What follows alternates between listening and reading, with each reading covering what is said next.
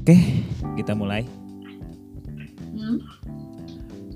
Eh, selamat malam pendengar podcast. Eh, ketemu lagi di teman bercakap.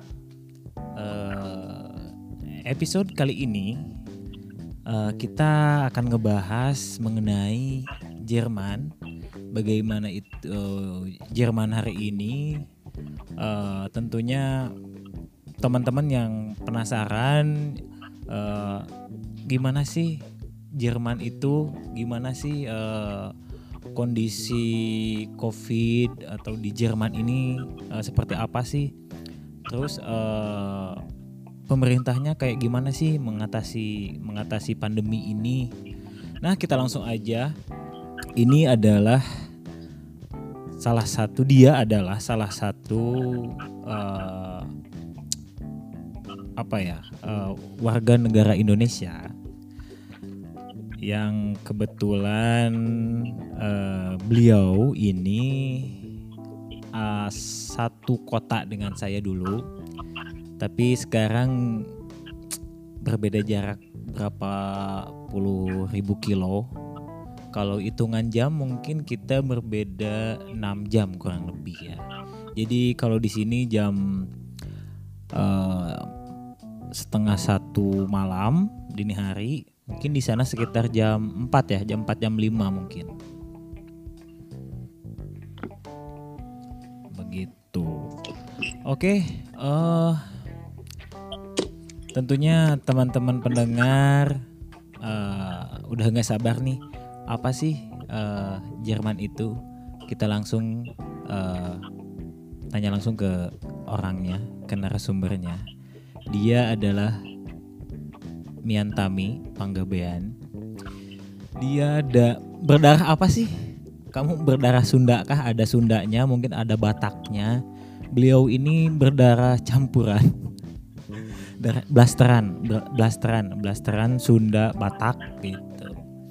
Tapi eh, sebelum kita nanti nanya-nanya eh, dia langsung wanita yang cantik ini eh, yang berkulit eksotis guys. Kalau ka- teman-teman tahu. Eh, dan menurutku dia baik hati. Eh, menurut saya ya yang saya rasakan. Eh, dia baik dia support eh, yang it- eh, support saling eh, menyupport temennya di mana pun siapa pun. Karena apa ya? Mungkin tidak salahnya kita berbuat berbuat baik kepada seorang toh nggak ada ruginya gitu. Nanti pun mungkin kemudian di kemudian hari kita nggak tahu kan ada tiba-tiba orang yang berbuat baik kepada kita. Karena berbuat baik untuk seseorang itu itu cukup menyenangkan dan eh, membuat senang orang yang kita bantu gitu. Oke langsung aja Soalnya teman-teman podcast, eh, teman bercakap, udah nggak sabar nih, pengen mendengar suara eh, wanita yang cantik ini. Oke, halo, selamat apa nih? Selamat sore kah? Selamat sore ya. Oke. Selamat sore. Selamat sore, eh, sahabat sahabati ya. Kalau di Islam tuh sahabati, berarti cewek ya. Sahabati yang cukup lama tidak bertemu hanya berpapasan tuh di media sosial karena memang jarak yang memisahkan kita. Cia, jarak memisahkan kita. Oke Tam, eh, langsung aja Tam. eh, Selamat malam dulu dong. oh, oh. Oh iya iya iya, iya. boleh boleh boleh boleh balas dong. Selamat malam Markipul. Selamat Malam. malam. eh, apa sih teman podcast? Eh Tem- bukan. tem- teman bercakap. Teman bercakap. Oke. Iya teman bercakap. Sorry. Eh, gimana nih kabarnya sehat, Tam? Alhamdulillah sehat. Alhamdulillah sehat ya. Kesibukan di masa pandemi ini ngapain aja sih selain aku lihat kan beberapa story IG story tuh kamu masak. Mungkin selain masak, aku lihat tuh kayaknya apa ya? rebahan ya banyakannya tidur rebahan tidur kaum rebahan sebenarnya sekarang udah mulai bisa beraktivitas seperti biasa jadi eh, pertama kali corona datang menghampiri Jerman itu Hmm. kayaknya mulai akhir-akhir Februari mungkin ya mungkin oke tapi di sana masih belum uh joget nggak nih? Sorry sorry. Iklan iklan iklan iklan. Iklan iklan. Nggak apa-apa. Kan iklan tuh ngasilin duit kan? Betul. Jadi pertama kali corona nyampe di Jerman itu sekitar bulan Februari. Hmm, iya Februari. Tapi posisinya yang kena itu belum terlalu banyak jadi kita masih bisa beraktivitas normal. Masih ya masih masih normal lah terus pas bulan Maret eh, pertengahan Maret kayak gitulah si pemerintah itu sudah menetapkan eh, social distance eh, enggak bukan social distancing apa ya eh, stay at home. Wir bleiben zu Hause bahasa Jermannya. Jadi eh, kita nggak boleh keluar rumah sekolah juga pada ditutup universitas pada ditutup hotel tempat rekreasi pada ditutup. Yang dibuka itu cuma rumah sakit eh, house arts. House arts itu kayak dokter. Mm-mm. house arts ya dokter. Kayak dokter biasa gitu dokter umum yang buka praktek gitu. Klinik terus apotek sama supermarket. Karena supermarket kita butuhkan ya buat makan kebutuhan sehari-hari kayak gitu. Buat orang-orang yang harus kerja kayak di rumah sakit atau di apotek mereka tuh biasanya jarang sih yang butuh surat tapi rata-rata mereka pada butuh surat sih karena kalau mereka jalan pasti terus pas-pasan sama polisi mereka bakal ditanya mau ke mana. Terus kalau mereka bilang iya aku harus kerja mana suratnya? Kalau nggak ada suratnya mereka harus bayar denda gitu. Karena ada juga beberapa perusahaan yang memang masih harus buka tapi hmm, mereka tuh buka itu hanya kayak buat ini loh. Contohnya aku kan kerja di hotel. Ah, jadi beberapa orang tuh masih harus kerja dikarenakan eh, banyak yang bukan banyak bukan banyak lagi karena semuanya harus di cancel nanti nggak sih? Kayak yang udah ngebooking tuh kita harus cancel semua karena kita Ah. hotel harus tutup mau tidak mau. Mm, jadi ada beberapa staff yang harus datang kerja ke hotel untuk ngurus itu gitu. mereka yang harus datang kerja dapat surat eh, apa sih pengantar gitulah kalau memang mereka harus bekerja gitu. Oh, jadi se apa ya seketat itu ya ketika uh, pemerintah Jerman menyikapi uh, masa pandemik di di Jerman ini. Uh, tentunya berbeda jauh dengan uh, kondisi Indonesia saat ini tentunya ya. Kalau ngomongkan perbandingan memang oke lah, mungkin tidak bisa dibandingkan dengan dengan eh, apa ya mungkin kalau di Jerman secara psikologis masyarakat juga udah memang dia eh, patuh terhadap aturan udah tertib dan banyak lah udah memang masyarakatnya tuh kebanyakan udah udah udah teredukasi. Nah eh, yang jadi apa ya di- yang yang ketika di Indonesia mm, apa ya me- menghadapi pandemi ini tentunya saya secara pribadi tidak tidak tidak tidak menyalahkan pemerintah sebetulnya tapi ada beberapa kebijakan yang memang simpang siur. Contoh misalkan eh, si A em, eh, menghimbau seperti ini bla bla bla bla dan menterinya menghimbau bla bla bla. Jadi ada dua himbauan berbeda. Di sisi lain masyarakat diperbolehkan mudik di himbauan yang pertama di himbauan yang kedua eh, masyarakat juga apa ya eh, stay at home gitu jangan di- diam-diam di rumah aja gitu jangan jangan jangan keliaran apalagi untuk pulang kampung. Tentunya kan jadi jadi budaya ya di di di Indonesia tentunya mengenai apalagi kan sekarang mau ini nih Hamin Hamin dua Idul Fitri nih tentunya banyak kan eh, dari mungkin orang Jogja yang kerja di Jakarta orang Tasik yang kerja di Jakarta dan kebiasaan setiap tahun mereka pulang kampung untuk mudik mungkin karena pandemi ini mereka nggak nggak bisa gitu. Tapi banyak juga yang memang nakal gitu dari dari masyarakatnya. Apalagi kemarin uh, apa ya dibuka tuh ada ada beberapa mall dibuka. Jadi kan masyarakat beli ini kan beli baju lebaran tuh. Akhirnya karena memang masyarakatnya tidak disiplin, akhirnya katanya lihat-lihat berita tuh lihat seri, sekitar seribu orang lah ODP kan kan mengerikan gitu. Terus ada beberapa media yang yang memberitakan ada seorang dokter yang memakai APD lah. Mungkin perawat lah memakai APD lengkap. Dia kayak marah-marah lah di jalan. Uh, kayak gini bilangnya ya bodoh amat udah aja semuanya keluar. Aku udah capek. Jadi aku tuh miris ketika lihat lihat petugas kesehatan sampai seperti itu gitu.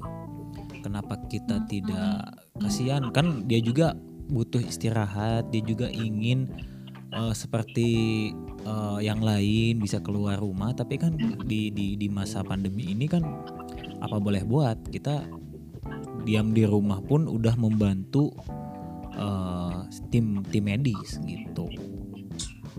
Masalahnya gini loh um, kita juga nggak bisa ngebedain Indonesia dengan Jerman karena perbandingannya benar, sangat jauh. Benar banget. Pertama karena kultur jadi kultur orang Indonesia itu mereka tuh lebih ke makhluk sosial gitu yang senang berkumpul senang ya anaknya sosial banget lah gitu mm -hmm. kasarnya malah ya sedangkan orang-orang Jerman itu mereka tuh lebih uh, bukan teenager ya maksudnya orang-orang dewasanya mereka tuh hidup cuma kerja pulang ke rumah kerja pulang ke rumah oke okay, mungkin sometimes weekend mereka pergi party tapi ya kita kan nggak kayak orang Indo gitu yang kalau orang Indo kan pulang kerja eh ngumpul yuk eh nge-cafe yuk. Ngerti gak sih? Oh, benar benar banget benar kalau orang Jerman tuh nggak kayak gitu. Makanya kenapa si Spain sama si Italia itu dia tuh naiknya tinggi banget karena kultur mereka juga hampir mirip-mirip kayak orang Indonesia kan. Mereka tuh senang berkumpul mereka senang uh. ketemu teman-teman mereka senang bersosialisasi makanya naiknya lebih cepat. Terus kan kalau di Jerman beda ya maksudnya uh, yang namanya mereka tuh sangat mematuhi peraturan tuh karena memang kehidupan sehari-harinya pun seperti itu. Dari hal kecil contohnya kita pakai tram yang kereta yang di jalan itu. Kalau nggak bis deh kalau nggak kereta bawah tanah metro kita telat satu detik pun bakal ditinggal. Benar. Gitu loh. Bakal ditinggal. Jadi mereka tuh sangat uh, menghargai waktu. Oh iya ya kalau aku nggak nggak nggak nggak aturan aku nggak um, aku telat satu detik aja mereka ninggalin. Makanya di sini tuh mau keluar aturan apa pun mereka pasti nurutin karena mereka hidup kehidupan sehari-harinya pun se seperti itu. Coba deh kalian bandingin gitu ya di Indonesia. Karena dulu zaman aku kuliah di Indonesia juga kalau misalkan mau ketemuan sama teman aku bilang bukan ketemuan jam 2 siang tapi aku bisa datang jam 3 sore. Benar benar. Atau benar. jam 4 tapi ini udah ditinggal. Uh -uh. Iya benar banget. Kalau di Indonesia tuh kalau kalau kalau kalau kalau di di Indonesia tuh gitu. Kita janjian yuk ketemuan jam 2 nah jam 2 nih. Oke karena memang oke kalau kalau kayak awal-awal tuh tepat waktu. Ada yang memang beberapa kebanyakan yang telat pada akhirnya itu menjadi kebiasaan yang memang janjian yuk jam 2 ah nanti aja jam 3 pasti orang datangnya juga jam 3 kan. Orang ngumpul pasti jam 3 kan. Jadi apa ya hal-hal padahal itu itu itu hal kecil tapi ketika itu sering dilakukan itu menjadi budaya. Khususnya di anak-anak muda lah ya.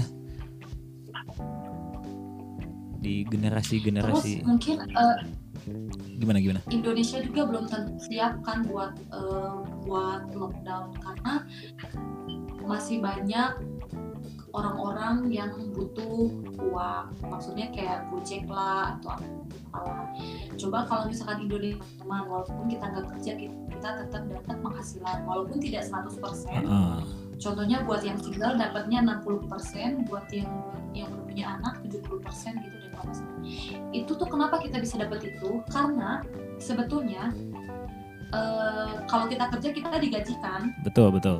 dari gaji 100 yang digaji kita itu kita nggak bakalan dapat 100% tok di saku kita. Kita tuh masih harus bayar pajak. Pajaknya itu ada pajak pensiun masa tua pajak ke asuransi kesehatan sosial sama yang kayak inilah kayak asuransi kehilangan pekerjaan contoh kalau aku di suatu hari nanti ditendang dari hotel misalkan Ah, ah. kamu nggak bisa kerja lagi di hotel sampai aku dapat pekerjaan baru aku bakal dapat dapat gaji Hmm. masuk kayak ada pandemi kayak gini kita nggak bisa ah, ah. kerja ah, ah.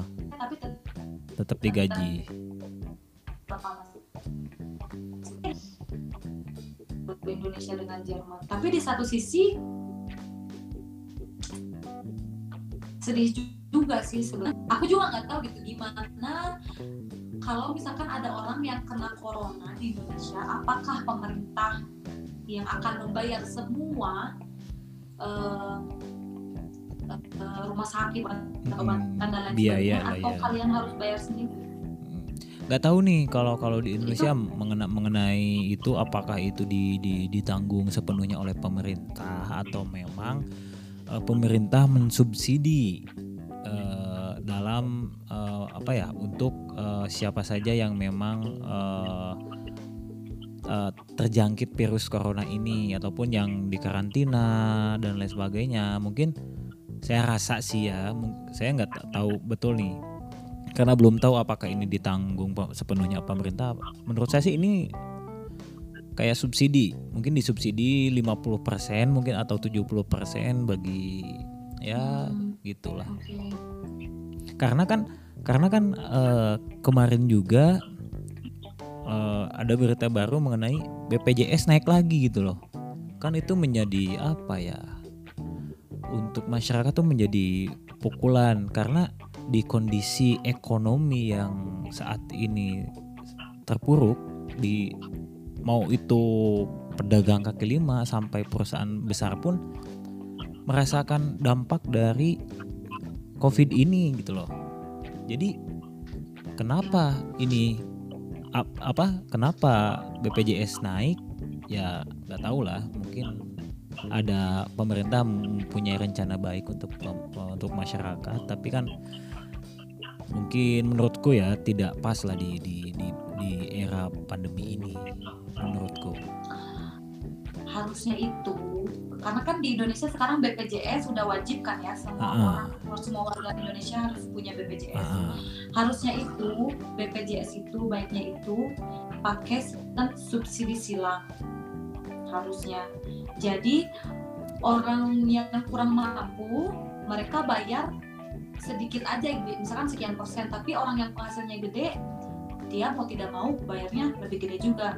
Karena di sini misalkan ya kalau kita dapat gaji di sini contohnya 10.000 euro eh, mau tidak mau kita bayar pajak pun kalau kita single kena 40 persenan lah hampir 40 persen. Jadi semakin besar gaji kamu semakin besar yang dipotong. Tapi kan sebetulnya itu untuk kita juga. Tapi secara tidak langsung subsidi silang juga sama eh, orang-orang yang gajinya di bawah dari kita. Itu kan fair gitu loh. Ah. benar benar banget.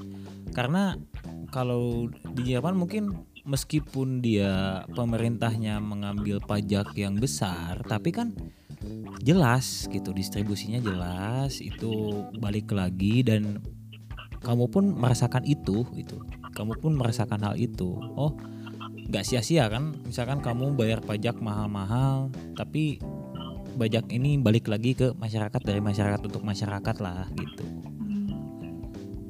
Kan itu bagus gitu. Tapi ya mungkin Indonesia ingin menuju seperti itu gitu. Tapi butuh waktu butuh proses panjang lah untuk untuk untuk sampai di tahap itu karena banyak sekali lah permasalahan ekonomi geopolitik banyak banget lah untuk eh, khususnya bagi pemerintah menyelesaikan hal itu itu karena kalau dilihat dari sumber daya tentunya Indonesia terkaya lah. Menurutku Indonesia paling kaya tapi dalam segi pengelolaan itu ada ada ada ada yang salah gitu. Karena cukup Indonesia kalau misalkan ingin semua bebas pajak bisa Indonesia tinggal menutup choke point. Choke point itu the, uh, choke point. Jadi tinggal nutup ini ja- jalur jalur eh, kayak apa ekspor impor. Kan Cina kalau kalau kalau ngekspor barangnya tuh pasti lewat eh, Selat Sunda, Selat eh, apa eh, Selat Lombok, Selat Bali. Itu ditutup aja. Itu misalkan Indonesia kasih apa eh, minta pajak dari eh, pengiriman barang itu sekitar 10 dolar dari misalkan satu kilogram barang. Itu kali berapa juta ton mungkin gitu kan. Itu bisa Indonesia bisa dapat berapa ribu US itu dari situ. Itu bisa menutupi pajak dan bahkan penghasilan dari itu doang Indonesia bisa apa ya melebihi melebihi APBN Indonesia sebetulnya Itulah masalahnya Indonesia itu kaya, tapi sumber daya manusianya masih apa ya? Sumber daya manusianya tuh sebenarnya pintar-pintar loh orang Indonesia. Benar. Cuma ya mereka tuh pintar tapi tidak disiplin dan tidak tekun gitu loh. Dan kalaupun ada beberapa orang Indonesia yang pintar dan disiplin dan tekun, dia pun akan kalah karena masih banyak orang-orang Indonesia yang tidak tekun dan tidak jujur dan tidak disiplin. Kan? Jadi sebe- sebetulnya ini tuh kayak roda. Si rodanya tuh harus dijalanin, harus didorong barengan. Kalau satu orang doang yang dorong nggak akan bisa jalan. Mm. Itu masalahnya. Iya kalau kalau ngomong-ngomong SDM memang betul gitu di zaman sekarang Indonesia eh, banyak lah lulusan-lulusan dari luar mungkin dari dalam negeri pun orang mencetak eh, lulusan-lulusan terbaik orang-orang cerdas yang ada di Indonesia. Kalau ngomong mengenai belum mumpuni, saya rasa di sisi lain mungkin dari segi disiplin dan lain sebagainya lah. Mungkin menurutku ya eh, SDM Indonesia bisa, cuma ini nih misalkan gini, saya punya ide untuk bikin mobil listrik lah. Tentunya Indonesia sudah memikirkan itu. Sebetulnya sebelum ada meluncur di Amerika tuh kan mobil Tesla. Mobil listrik. Indonesia sudah punya sebetulnya. Cuman support dari pemerintahnya yang memang kurang gitu. Seolah-olah pemerintah tidak percaya akan sumber daya ke- dan kemampuan eh, orang-orang Indonesia yang punya inovasi dengan pemikiran yang visioner gitu. Jadi sangat disayangkan banyak lah banyak banyak sekali eh, orang-orang Indonesia yang ingin Indonesia maju lah lebih maju bahkan ingin mengembalikan apa ya jadi singa Asia lagi gitu seperti dulu Hmm. gitu. Nah tam eh mungkin itu ya covid ya mungkin apa ya ngomongin covid tuh sama eh, mengenai Indonesia dan masyarakat Indonesia itu ah bikin capek, bikin pusing, bikin ember. gregetan, bikin kita eh kok nggak kok gini sih, kok gini sih, pusing lah. Oke lah terserah lah gitu mau mau gimana pemerintah mau gimana juga terserah. Yang penting saya secara pribadi menjalankan hidup eh, yang tidak merugikan orang lain intinya gitu. Betul. Heeh. Inti nama kumaha maneh we. Nya. Betul. Kuma maneh we maneh maneh ji gitu saya sama saya gitunya. Nah, eh tam ngomong-ngomong Jerman nih. Eh gimana gimana sih pertama kamu menginjakan kaki nih di Jerman nih? Ternyata kok bisa bisa nyampe juga ya di di Jerman gitu. Karena mungkin saya yakin ya nggak nggak ada itu kebayang kayak duh dulu mungkin ada keinginan mungkin hanya sebatas keinginan gitu nggak tahu kan jalan atau caranya kayak gimana gitu. Itu gimana sih Tam? Bisa share ke teman-teman? Sebenarnya ini sangat panjang ya, tapi aku coba jelaskan Oke. sedetail mungkin. Oke. Jadi pas jadi sebetulnya gini, sebetulnya abang aku itu udah ada di Jerman posisinya. Ah, Kalau nggak salah dia juga udah ganti warga negara. Tapi karena si abang aku itu em, mungkin karena udah lama tinggal di sini, jadi dia ngerasa kita tuh kalau misalkan mau ngapa-ngapain harus kalau bisa usaha sendiri ya pasti dibantu-bantu lah sedikit. Cuma kan kalau usaha sendiri kan kita bakal lebih menghargai hasilnya. Jadi pas waktu itu si abang bilang mau ke sini nggak? Terus aku bilang mau sih gitu kan. Terus kata si abang ya udah cobain lah op- eh, program au pair. Dulu kan sebenarnya tahu apa itu program au pair? Sering denger pas zaman kuliah cuma masih belum kepikiran gitu mau ke Jerman karena kan lagi kuliah juga ya Ah, nanggung. Bapak juga waktu itu sakit. Ah, tapi setelah lama-lama lama terus pikir-pikir ah mumpung masih muda lah kenapa enggak sih ke ke Jerman? Aduh ada yang nge, ada yang ngebel nih rumah harus buka pintu dulu. Yoi, yoi, santai, santai, santai kakak. gangguan. Halo oh my god alles gut ya good. Aku lagi iya aku lagi lagi wawancara dulu sebentar. Masih puasa? Aduh. masuk lo ke sini nggak puasa. Di share lanjut tenang orang-orangnya juga nggak tahu. Ya udah tuh. Mau masak apa nanti kita? Itu aja sih.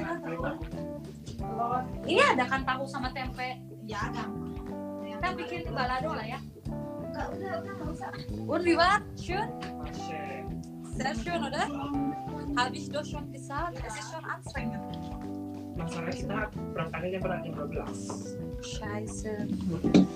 Aku Kita ikut masukin ini ya. Sok sok sok sok sok. Boleh boleh. jam tujuh subuh sudah aku bersiap-siap. Abis session ya. Bagian lah. Masih di Ya. Aku lanjut lagi ya karena karena aku udah janji mau podcast itu jadi WA. Tuh, say hello. Hai. Halo. Gak kenal. Tuh abis abis abis ini apa sih hiking? Wih, keren keren. Asik ya, asik. Berarti kebanyakan kebanyakan mahasiswa juga mereka atau au pair juga? Enggak, bukan oper sama Ausbildung juga. Sama Oh. Ausbildung. Ada yang tahun pertama, ada yang tahun ketiga, aku tahun kedua. Aku baru masuk. Ada yang udah lulus, ada yang udah lulus juga, ada yang udah kerja. Di sini Asik. ada empat orang. Iya. Gigi minta tolong dong tutup pintunya. Ya. Dankeschön. Maaf, karena aku harus buka pintu bapak. Nggak apa-apa. Nanti gedor-gedor. Yoi, santai, santai. Dari mana kita? Eh, oke, ku tanya lagi ya. Jadi biar nanti di Oh iya, gimana? gimana Nggak, nggak, nggak, nggak. ceritanya aku J- bisa EPL dengar dulu. Jadi biar nanti di yang video apa sorry video audio yang ini bisa di-cut gitu. Jadi jadi ku ku tanya lagi ya. Oke. Oke Tam, eh, Oke, sorry. tadi kan mengenai COVID-19 di Jerman kayak gimana, lockdown di Jerman kayak gimana, dan mengenai pemerintah Indonesia, Jerman, lah banyak sekali ya tadi dibincangkan. Dan membuat kepala kita pusing ketika kita kenapa sih pemerintah kayak gini, pemerintah Indonesia kayak gini, dan banyak lah ya.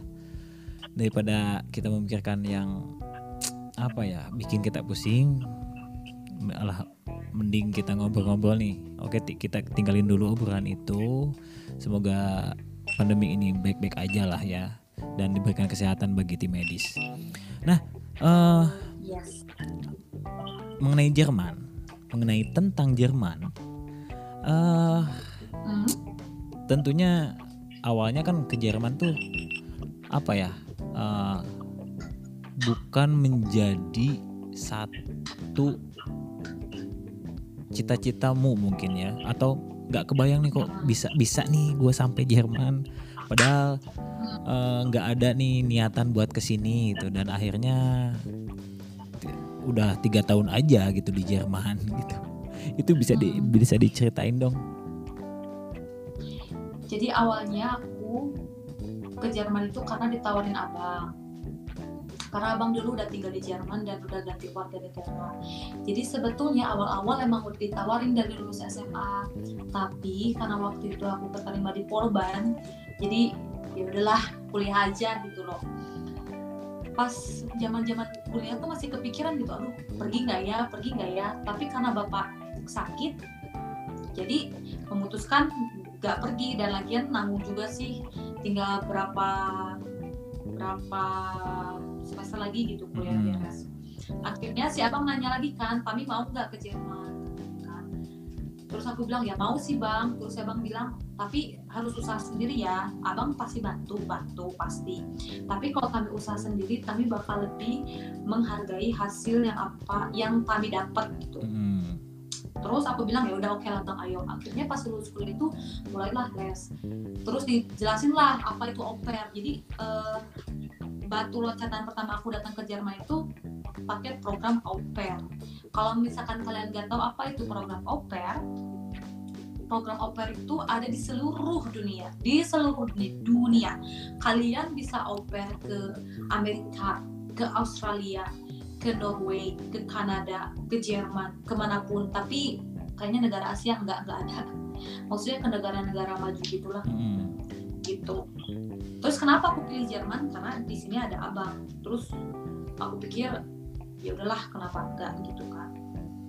Akhirnya eh sorry aku jelasin dulu apa itu au pair sorry Oke oke, santai santai. tidak fokus ya jadi au pair itu program pertukaran budaya dan bahasa yang ada di seluruh dunia itu eh, waktunya itu cuma satu tahun dan hanya boleh satu tahun setelah satu tahun kamu bisa pulang atau kamu bisa mm, kuliah atau apalagi tapi kalau udah ke satu tahun kerja jadi pair, kalian nggak bisa perpanjang visa lagi sebagai pair karena itu nggak bisa. Di mana pun tuh cuma bisa satu tahun.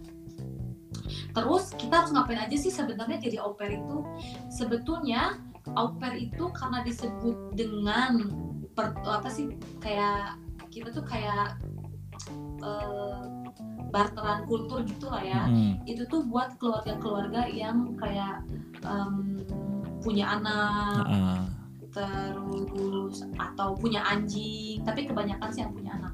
Yang mereka kerja terus mereka berpikir ah daripada aku bayar babysitting mendingan aku eh, ini aja deh eh, apa sih nyari oper aja deh dari negara Indonesia atau dari negara Peru atau dari negara Kolombia atau dari mana lah. Soalnya aku pengen tahu juga sih gimana karakteristiknya. Terus aku juga pengen kalau si anak aku tuh kenal sama hmm, orang Indonesia atau Ah. sama orang Amerika gitu. Terus nanti di sana kita tuh harus eh, sedikit bantuin dia. Apa sih maksudnya sedikit itu? Karena kan yang namanya hidup tuh pasti ada take and give ya. Ada buruk ada baik ada kanan ada kiri ada take ada give. Kita nggak bisa ngambil doang kita juga harus ngasih sesuatu sama host family kita. Mm-mm. jadi kita bakal tinggal sama host family kita terus kita nanti bakal bantuin host family kita buat jagain anaknya. Contohnya kita bawa anaknya ke TK atau ke SD Mm-mm. atau bikinin sarapan atau jemput anaknya atau nganterin anaknya les. Sewajarnya kalau kita tinggal sama saudara itu Mm. kalau orang-orang awam bilang ya itu mah lo kerja jadi babysitting lah. Hello itu bukan babysitting. Oke memang secara gamblang itu kayak babysitting Ah. ya. Tapi kalau kita kerja sebagai babysitter kita nggak akan dibayarin nggak akan dibayarin asuransi sama dia. Kita nggak Ah. bakal di dibayarin eh, bahasa bahasa Jerman sama dia. Kita nggak bakalan dikasih tempat tinggal Mm-mm. dikasih makan juga dikasih uang saku dikasih tiket kereta juga. Kalau mereka mau cari babysitting ya mereka cari babysitting aja. Yang notabene datang cuma kerja terus pulang. Mereka nggak perlu bayar asuransi Betul. babysitternya nggak usah betul. ngasih tiket kereta babysitternya. Jadi ini tuh lebih kayak kekeluargaan gitu. Gitu. Loh Mm-mm. tapi itu jujur experience yang sangat sangat bagus buat aku. Karena buat orang-orang yang mau ke Jerman kayaknya tuh au pair itu jalan yang sangat bagus banget jalan yang sangat tepat. Karena di samping kalian bisa eh, belajar bahasa Jerman. Terus kalian juga bisa beradaptasi gitu sama sama kultur Jerman. Jangan sampai kalian shock datang ke Jerman tuh langsung kultur shock kayak "Hah, kok gini sih? Jerman kok begini? Gitu. Kalau kalian tinggal sama keluarga Jerman kalian tuh bakal step by step oh ternyata gini ya oh ternyata gini ya gitu. Oh, tuh. Bagi teman-teman yang ingin ke Jerman di setelah mungkin setelah pandemi ini selesai ada yang memang dari awal eh, tahun ingin punya rencana atau memang untuk pergi ke, ke Jerman. Tentunya ada beberapa alternatif nih. Salah satunya adalah pair. Nah, dari pair ini bukan eh, babysitter. Sekali lagi, pair ini bukan babysitter, tapi lebih ke pertukaran budaya. Kita tinggal di keluarga Jerman. eh, kita banyak lah, banyak selain bisa mengasah kan, mengasah bahasa Jerman kita, kita bisa apa meng- me- mengetahui gimana sih kebia- kebiasaan orang Jerman, gimana sih kebiasaan eh, keluarga Jerman. Jadi pair itu membantu kita mengena- mengenali Jerman lebih dekat lah mungkin seperti itu ya. Sama batu loncatan juga sih buat yang mau kuliah contohnya Hmm. tapi bahasa Jermannya masih belum bagus bisa juga pair karena kalau kalian belajar tapi nggak ngomong langsung sama orang Jerman ya itu bakal beda banget jadi kalau kalian udah da- datang ke Jerman minum air Jerman ninjak Jermannya langsung ngobrol Asik, sama orang Jermannya Asik, langsung asik. itu bakal lebih kayak ngena gitu loh karena kalian dengar tiap hari orang Jerman ngomong Ah, beda sama kalau kalian kursus gitu Nah, di situlah eh, kalian akan merasa manfaat menjadi seorang minoritas mungkin ya. Dalam arti minoritas saya warga negara Indonesia yang memang memutuskan untuk satu tahun di Jerman gitu.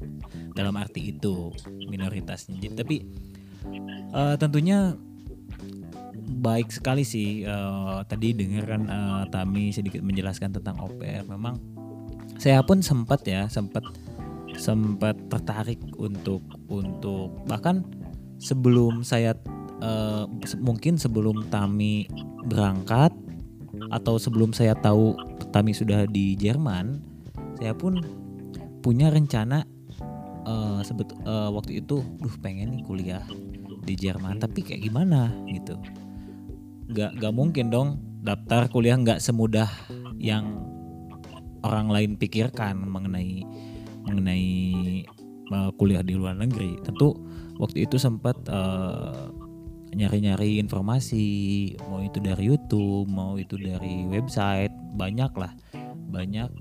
Sampai iseng-iseng nih Tam ya, waktu 2000 2017 kalau nggak salah 2017 bulan September. Masih ingat? 2017 aku udah di Jerman dong udah satu ah. tahun. Kan tapi aku belum tahu kan belum pernah kontekan kan kita setelah eh, serius? kamu nggak follow IG aku dari tahun 2016 follow cuma nggak nggak waktu itu nggak jarang banget main IG oh gitu. Heeh. jadi bapak tidak melihat eh, huru haranya aku gitu ya? Hmm, jadi tahu-tahu udah plek kayak udah dua tahun udah setahun gitu lah waktu itu. Jadi sempat tuh nyari-nyari kuliah apa ya gitu. Aku kan memang tertarik di bidang eh apa eh, perfilman waktu itu. Di mana sih? Nyari di Jerman kan. Sekolah eh, universitas eh, seni. Gue cari ada nggak? Nggak ada gitu. Apa ya namanya? Nyari lagi di Eropa kan. Diperluas di Eropa. Ternyata ada di bukan di Jerman tapi di London. Waktu itu London Barat lah. London Hmm, Barat. London tapi mahal. Heeh, heeh. nah iseng-iseng lah masuk websitenya. Ada namanya tuh Bruno University waktu itu. Hmm. Nah, kan langsung masuk eh, aku daftar kan. Daftar eh, ngasih alamat alamat email ah lengkap semuanya orang tua kayak KTP tek-tek bengek lah semuanya. Masukin aja ya ke sana udah. Intinya kayak kayak ini kayak daftar udahlah. Mudah-mudahan keterima walaupun toh nggak keterima juga nggak apa-apa orang iseng-iseng. Nah kalau misalkan keterima juga uang dari mana? Berangkat ke Inggris kan gitu. Terus gimana juga ngurusin visa? Ah banyak ribet lah dalam dalam pikiran tuh wah pasti ribetin gitu gitu akhirnya setelah beberapa bulan masuk bulan September waktu itu ada noti- notifikasi eh ternyata notifikasinya udah dari bulan apalah eh bulan September sorry bulan September ada notifikasi mungkin aku nggak buka-buka email kebuka itu bulan November akhir Berarti udah satu bulan dong. ya Eh, September, November. Iya. Heeh, November akhir. Dilihat kan ini email dari apa? Brunei kan? Kirain Brunei gitu kan, Brunei Darussalam. Ngapain ini? Lihat kan buka email. Buka email lihat, wih, ada no- no- apa? Ada notifikasi dari ini dia di di Brunei University ngirim email juga. Yang intinya karena aku nggak bisa ya ba- bahasa Inggris ngomong bahasa Inggris bahkan baca mengartikan menerjemahkan bahasa Inggris itu pun eh, ribet lah gitu Eh, ke teman lah.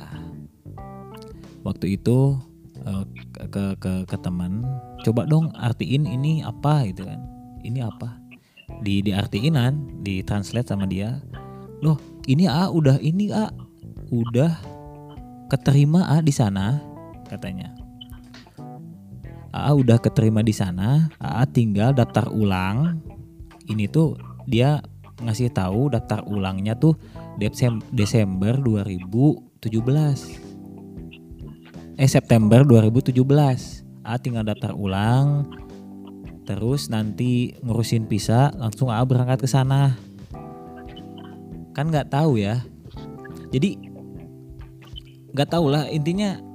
Nah setelah itu di sisi lain "Nih, atau oge euy aing ceng teh bisa oge gitu kan Tapi itu kan telat tuh dibukanya. ya Ternyata di daftar uangnya tuh sudah lewat bet- tanggalnya. betul betul sudah lewat tanggal Ah, di sisi lain oh tapi dia bilang nggak sih kayak berbayar semesternya tuh bakal sekian. iya bilang Terus bilang bakal bilang. juga bilang ada juga apartemen student gitu. ada ada heeh, bilang di situ dijelasin semuanya lengkap gitu jadi intinya nya kami harap katanya anda bisa datang di September 2017 gitu.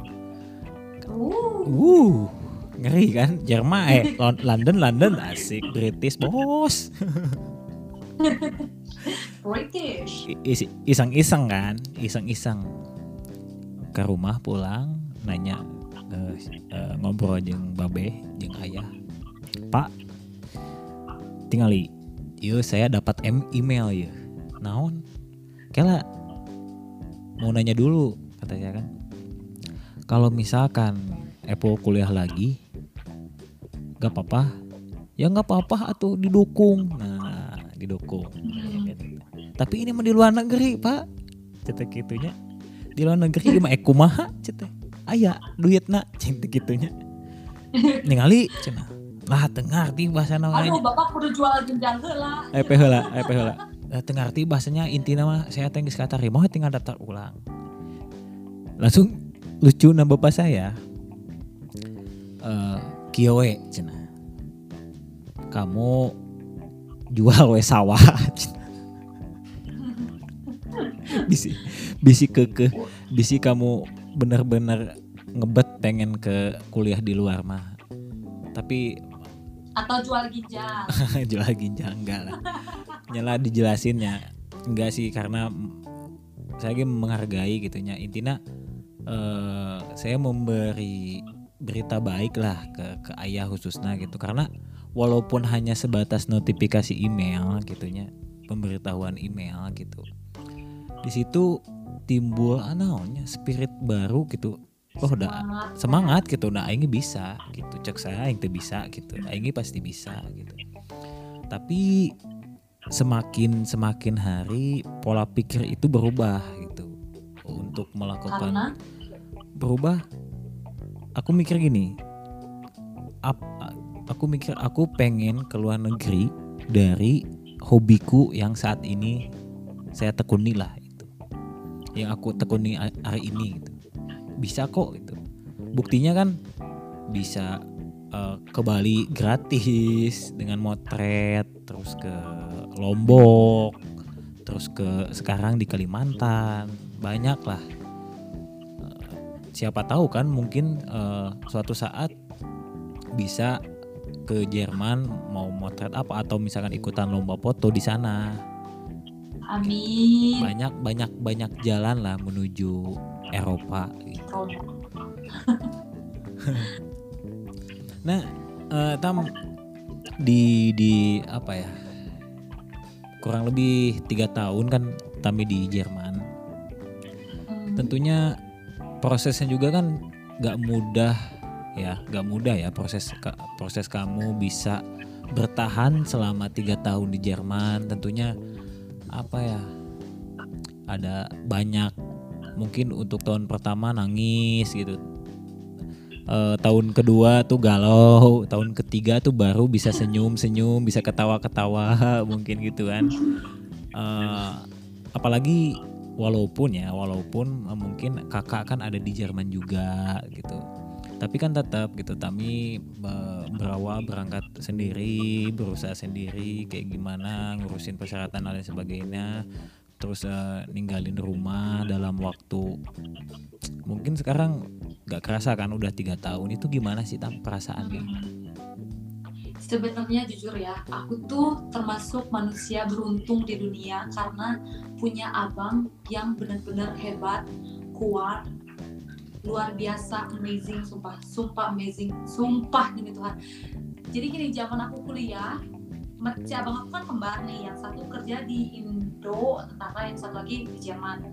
Zaman aku kuliah, abang aku yang support, yang tentara itu yang di Indo. Abang aku yang support, dia bilang, ya udah kuliah aja sih tapi butuh apa butuh ini ya udah support sampai aku sampai aku bisa sampai benar si toga itu ada di kepala gitu ya pas aku di Jerman abang aku yang di sini dia support apa pun itu dia support apa pun itu Ah, ah. dia support dia nggak pernah bilang abang pengen ini abang itu nggak pernah. Kadang aku suka bilang ulang tahun pun ya aku nanya abang mau apa?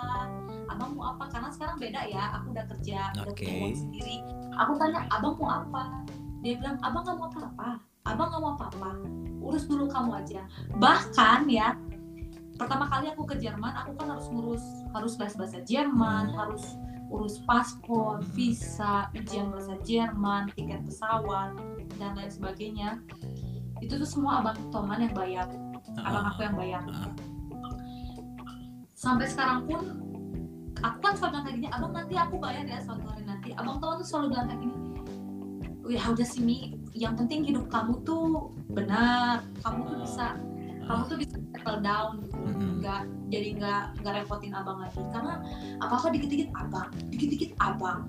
Pertama kali datang ke Jerman aku nggak nggak nggak terbiasa sama winter gitu ya. Abang datang ini nih pakai ini ini pakai pos kaki ini pakai jaket ini.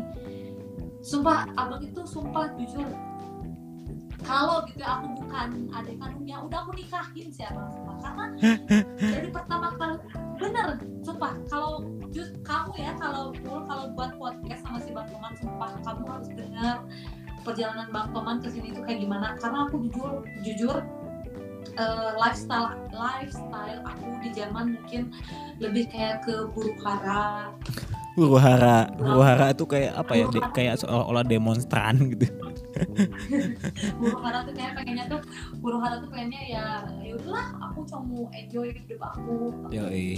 Ah, ah, ah. udahlah kalau kalau aku ya kalau aku butuh apa abang abang dengerin abang gitu. Sedangkan abang aku pertama kali ke Jerman tuh pakai usaha dia sendiri. Ah, ah. dan zaman dulu 10 tahun yang lalu ya belum banyak orang yang tahu program oper dan itu tuh agak lumayan susah juga abang aku laki-laki lagi sebenarnya anak laki-laki itu susah buat dapat host family kalau Ah. mau au pair ke Jerman. Ah. Tapi abang aku, aku emang udah rezeki lah. Tahun kedua dia di Jerman, dia udah bikin eh, apa sih SIM. SIM di Jerman. Dan itu tau gak sih buat SIM di Jerman itu susah banget. Nauzubillahi min. Mm-mm. Dia udah buat SIM, dia walaupun dia dia beli mobil biasa aja gitu. Tapi buat ukuran baru 2 tahun di Jerman cuy. Zaman aku 2 tahun di Jerman ya gitulah masih bang ini bang bang bang masih gitu gitu loh tapi kenapa ya aku tuh nggak bisa kayak abang aku kenapa Waduh, nah, seba- tapi jujur Ah, ah, ah, ah. Gimana gimana gimana? tapi aku eh, ngedecide kalau aku datang ke Jerman dengan jalur au pair sampai aku studentin sampai aku sekarang Ausbildung jujur aku nggak pernah em, ngerasa menyesal karena aku ke Jerman. Justru aku ngerasa hidup aku tuh jauh lebih baik. Aku lebih bisa berekspresi lebih bisa bebas. Aku bisa kerja eh, sesuai passion aku. Ah, ah. terus jujur ya dari penghasilan juga jauh lebih baik gitu. Walaupun aku cuma bisa ketemu keluarga mungkin ya cuma satu tahun sekali tapi it's much better gitu. Kalaupun aku kerja di Jakarta mungkin ketemu sama mama ya paling setahun sama aja lima kali atau 10 kali mungkin kan. Nggak bisa juga aku tiap bulan mungkin ke ya mungkin cuma sebulan sekali lah pulang ke Tasik. Jadi ya udahlah sama aja.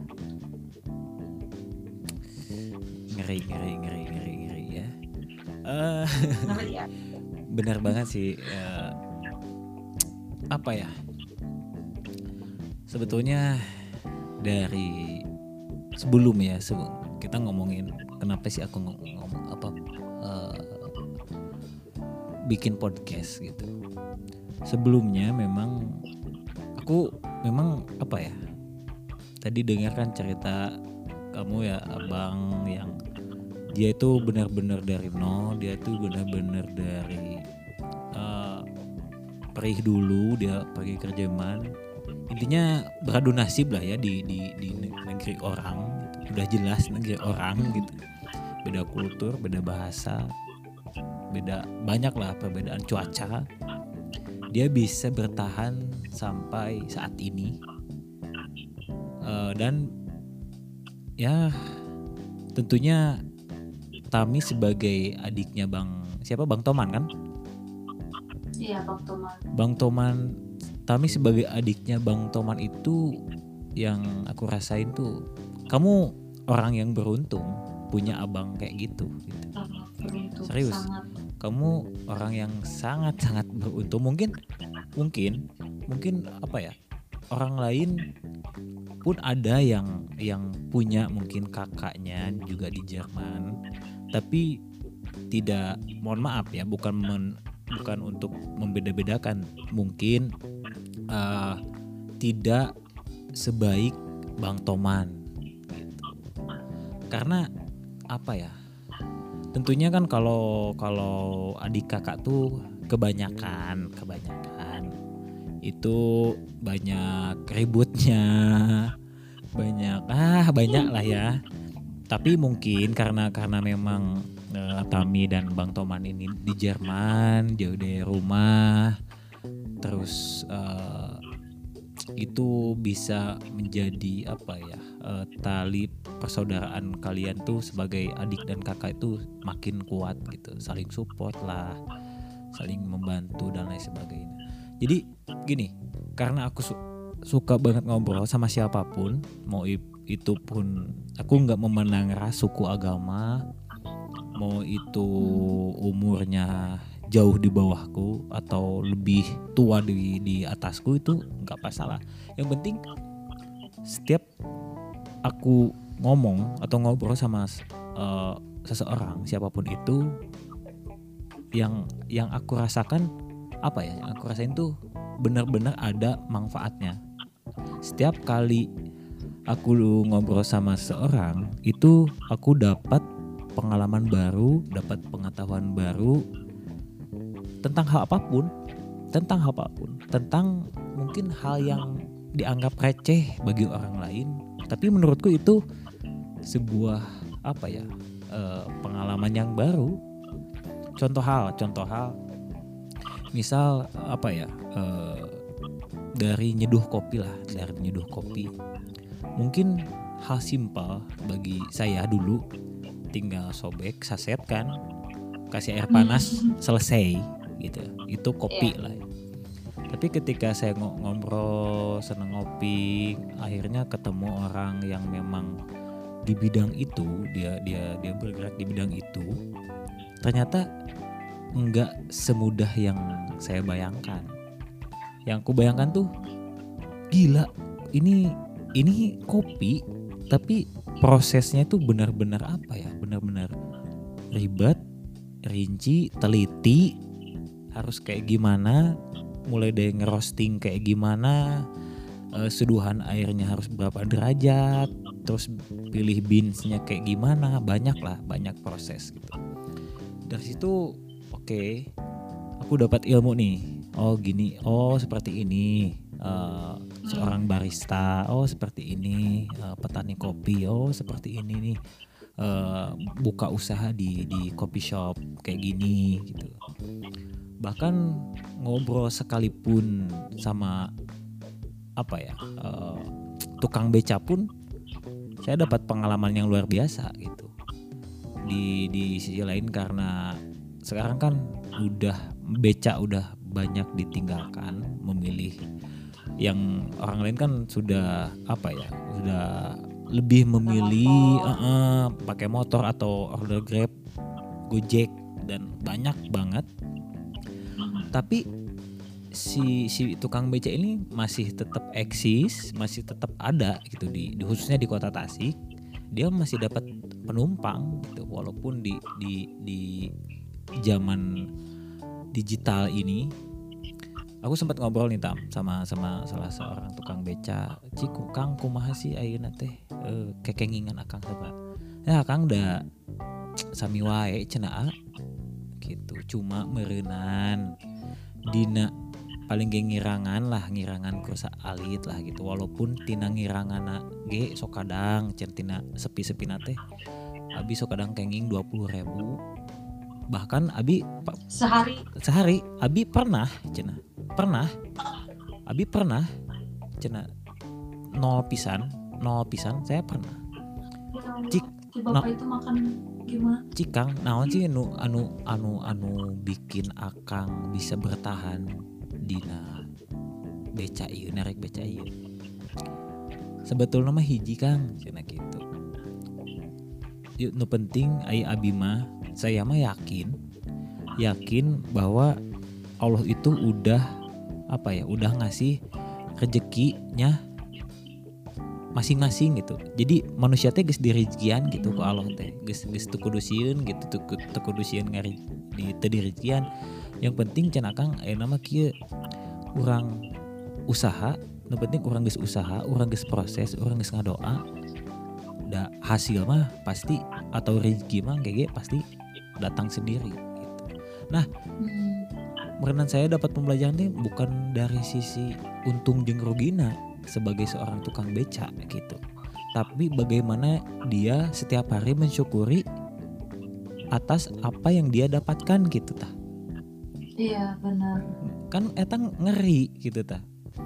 Mata merenan anu kurang saya ketika itunya beres ngobrol teh berarti nu kurang di urang teh naon cik bersyukur kurang teh kurang Benar. Heeh, kurang bersyukur gitu anu memang ayah di hadapan orang ayeuna orang masih kene memiliki sorrynya memiliki keluarga anu lengkap gitu tah anu Iya. masih masih masih solid masih bisa melihat kakak masih melihat keluarga lah gitu mungkin orang lain Hmm.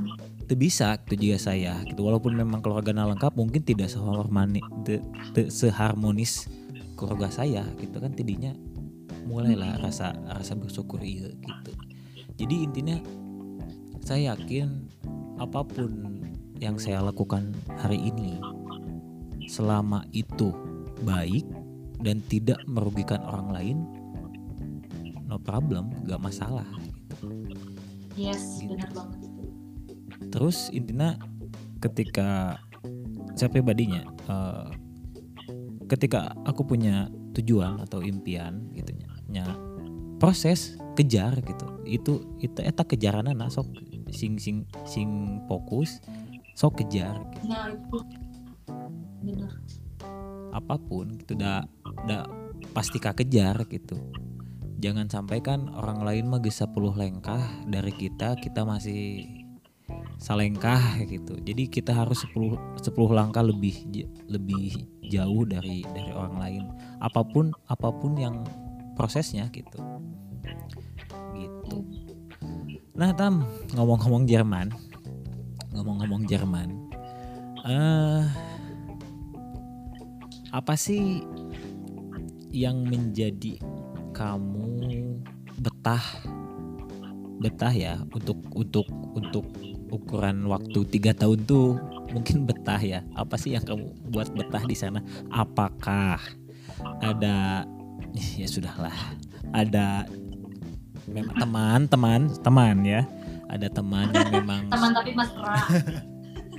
Ada teman yang selalu asik gitu terus selalu support terus ya udah kayak keluarga kamu sendiri di Jerman gitu atau atau memang mungkin ada jatuh cinta kepada seseorang yang Oke bisa jelas. Jawab ya jujur. Jawab jawab jawab jawab. Jelasin ya jelasin. Jujur? Jujur dong. Jujur ya. Jujur. Jadi pertama sebetulnya datang ke Jerman itu nggak langsung langsung betah ya nggak. Hmm. awal-awal nangis makanan nggak cocok udara dingin ke bus ke halte bus harus jalan. Mau makan nggak bisa gojek. Nggak ada tukang dagang. Harus masak sendiri segala macam sendiri. Yang nggak betah toh karena selama 21 tahun pakai pakai hidup pakai kultur Indonesia gitu. Tinggal Jerman kayak begitu ya otomatis lah agak-agak nggak betah. Tapi beruntung banget sekali lagi amazing. Aku punya abang yang amazing. Jadi ya betah karena abang selalu support aku dari belakang. Abang selalu jalan aku dan jalan dari belakang aku gitu. Dia nggak pernah mau jalan depan aku. Kalaupun dia jalan depan aku dia pasti noleh ke belakang. Apa yang aku butuh? Aku sakit atau apa pun itu. Ibarat kata aku sama si abang tuh semua ngomong sampai masalah keuangan percintaan semua kesehatan semuanya. Jadi beruntung lah gitu punya abang.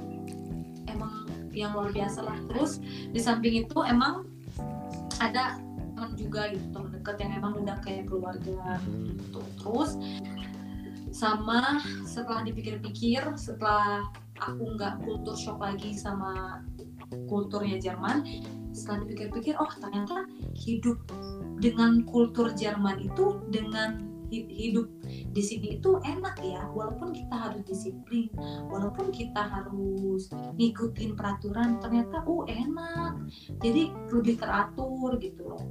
Di samping itu mungkin tinggal di Jerman aku jadi kayak menurut aku ya menurut aku pribadi lebih kayak bebas maksudnya bebas dalam artian kita tuh nggak dengerin orang omongan orang lain selama orang lain nggak ngasih kita makan ya masa bodoh mau orang lain ngomong dari A sampai Z biarin aja Iya. yang capek siapa lah dia Iya, betul, yang betul. siapa ya dia. Ih, waktu gue mah berharga Betul atuh. tinggalan satu detik aja iya Iya, ap- jadi ya apalagi sampai nangis-nangis ya diomongin batu apaan lah nggak buang-buang waktu ya.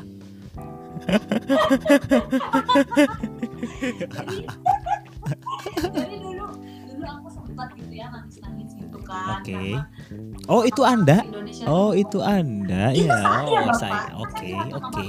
Oke, kan lanjutkan. saya curhat sama bapak Oke. bapak Oh iya.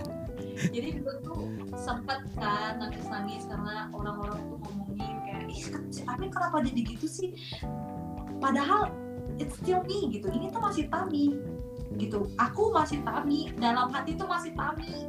Ini aja masih Tami. Oke dulu aku naik 12 kilo ya mungkin Oke. agak beda lah. Tapi sebetulnya itu masih Tami gitu. Cuma mereka mungkin kaget aja kenapa Tami jadi begini? Apakah dia emang pengen ikut-ikutan atau gimana? Padahal kan enggak gitu. Kalau kita Hmm. tinggal di negara lain yang kulturnya beda mau tidak mau kan kita mengikuti sedikit sedikit. Betul betul banget. Tapi lama kelamaan gitu ya si abang tuh bilang ngapain sih kamu harus mikirin orang lain? Kenapa harus mikirin mereka gitu? Ngapain? Buang-buang energi ya udahlah biarin aja. Kan lama-lama ya udah biarin aja. Betul. Dan jujur ternyata hidup seperti itu lebih happy sumpah. Betul. Betul banget betul banget. Jadi terserah lah kayak orang lain mau ngomong apa orang dia nggak kita orang dia nggak ngasih makan ke kita. Mungkin dengan dia ngomen atau nyinyir ke kita mungkin dia dapat uang dari hasil nyinyiran itu. Berarti kita setidaknya udah memberikan kebarokahan lah kepada mereka yang senang nyinyir. Tanpa sebab. Tapi Markipul bentar Markipul masalah lovers ya masalah Oke. percintaan. Wow lover fan itu fans lovers kami lover atau apa? Love pairs oh oh. Pakai T love pairs oke oke oke. Nah ini ngomong masalah percintaan sebetulnya kalau kalian pikir ya nah. enak banget anjir pacaran sama bule? Anjir enak banget. Jujur aku sebagai orang Indonesia jujur sebetulnya tuh aku lebih prefer tuh pacaran sama orang Indonesia. Kenapa? Karena kultur kultur kita itu sama. Hmm, mereka tahu bagaimana menghadapi wanita. Mereka tahu Hmm. bagaimana eh, nge gimana ya? Tahu lah gitu pacaran sama orang Indo tuh Ya. gimana. Karena pacaran sama orang Jerman itu nggak sama kayak orang Indo.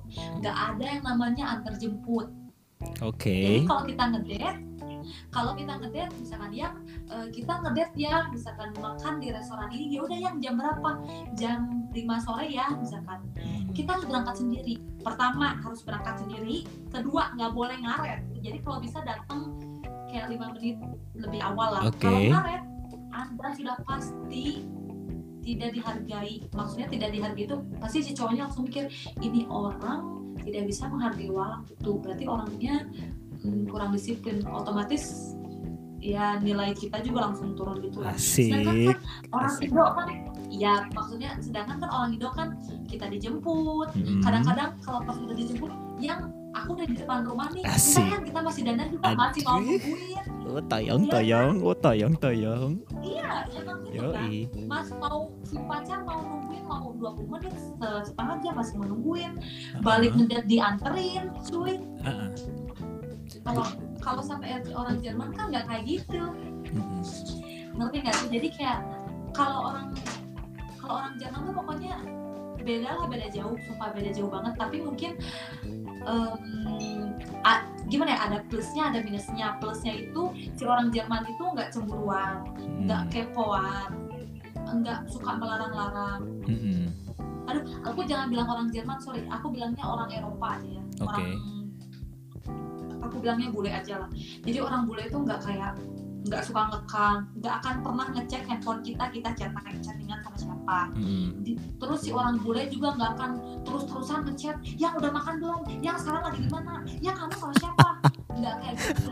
Jadi mereka bakal nanya aja kamu hari ini ngapain? Yang lagi aku habis kerja oh gimana hari kamu? How was your day? Ya lumayan lah gini gini gini. Kalau misalkan ya aku hari ini bad banget nih. Oh kenapa? Begini begini begini oke. Udah kalau gitu eh, aku mau ini dulu ya. Ya udah oke fine selesai. Kalau nggak pas mau tidur lagi ya aku tidur ya. Oke udah. Selamat tidur. Selesai. Besok paginya selamat pagi sayang. Selamat beraktivitas. Have a good day semoga hari menyenangkan dan lain sebagainya. Jadi nggak kayak cowok Indo yang yang di mana? Yang balas. Yang hudang yang hudang. Jadi ya gimana ya? Ribet eh, gimana ya? Jadi nggak tahu sih apakah sisi itu memang apakah sifat itu memang disukai oleh para wanita ataukah tidak mungkin ada pak wanita-wanita yang berpikir cowok yang cemburuan itu ih gemes deh gitu ya ada kan Iya, cewek yang kayak benar. gitu. menurutku kan karena beda-beda ya karena beda-beda beda apa ya eh, mungkin ngomongin kayak cewek ngomongin cowok mungkin nah dari dari tadi kan tadi kan ngomongin bu- kalau bule tuh kalau pacaran tuh kayak kayak gini gitu di tadi ada sisi eh, bagusnya tuh kita nggak dia nggak kepo nggak ribet nanyain setiap langkah kita mau ke mana ditanyain kayak orang-orang Indo kebanyakan mungkin. Terus eh, tapi mungkin nggak nggak apa ya kalau di Indo kalau mau janjian pasti dijemput ke rumah kalau di sana kan enggak gitu. Lu pergi sendiri ya lu pulang sendiri lah gitu bodo amat gitu. Paling ngabarin kalau udah nyampe rumah mungkin gitu. Tapi seru seru seru juga ya eh, eh, kamu tuh denger denger denger apa denger cerita kamu pacaran dengan bule di Jerman tuh seru banget gitu. Jadi jelas banget eh, secara kultur itu jauh banget gitu. Kirain cowok di Jerman pun sama-sama aja gitu kayak perhatian oh tanyang tanyang udah makan belum tanyang? Aduh, di Jerman mana ada ya yang nanya kamu udah makan belum sayang? Kamu hari ini makan sama apa? Gak ada yang namanya kayak gitu. Tapi ini menarik sih kalau misalkan ada dua dua sisi ya dua sisi. Maksudnya kamu sebagai wanita Asia dan mungkin ada teman lagi teman kamu misalkan yang memang orang Jerman kayak gimana sih kalau cewek tuh? gitu. Apakah memang kalau kalau misalkan dikasih tahu nih kultur di cowok di Indonesia mah bla bla bla bla misalkan kayak gini kamu seneng nggak? gitu. Kalau misalkan di Jerman kan kayak gini gini gini. Kan itu jadi menariknya menarik untuk diperbincangkan gitu. Ada dua sisi yang berbeda gitu dari sudut pandang wanita. Begitu. Bentar aku nggak dengar suaranya terputus-putus halo? Terputus-putus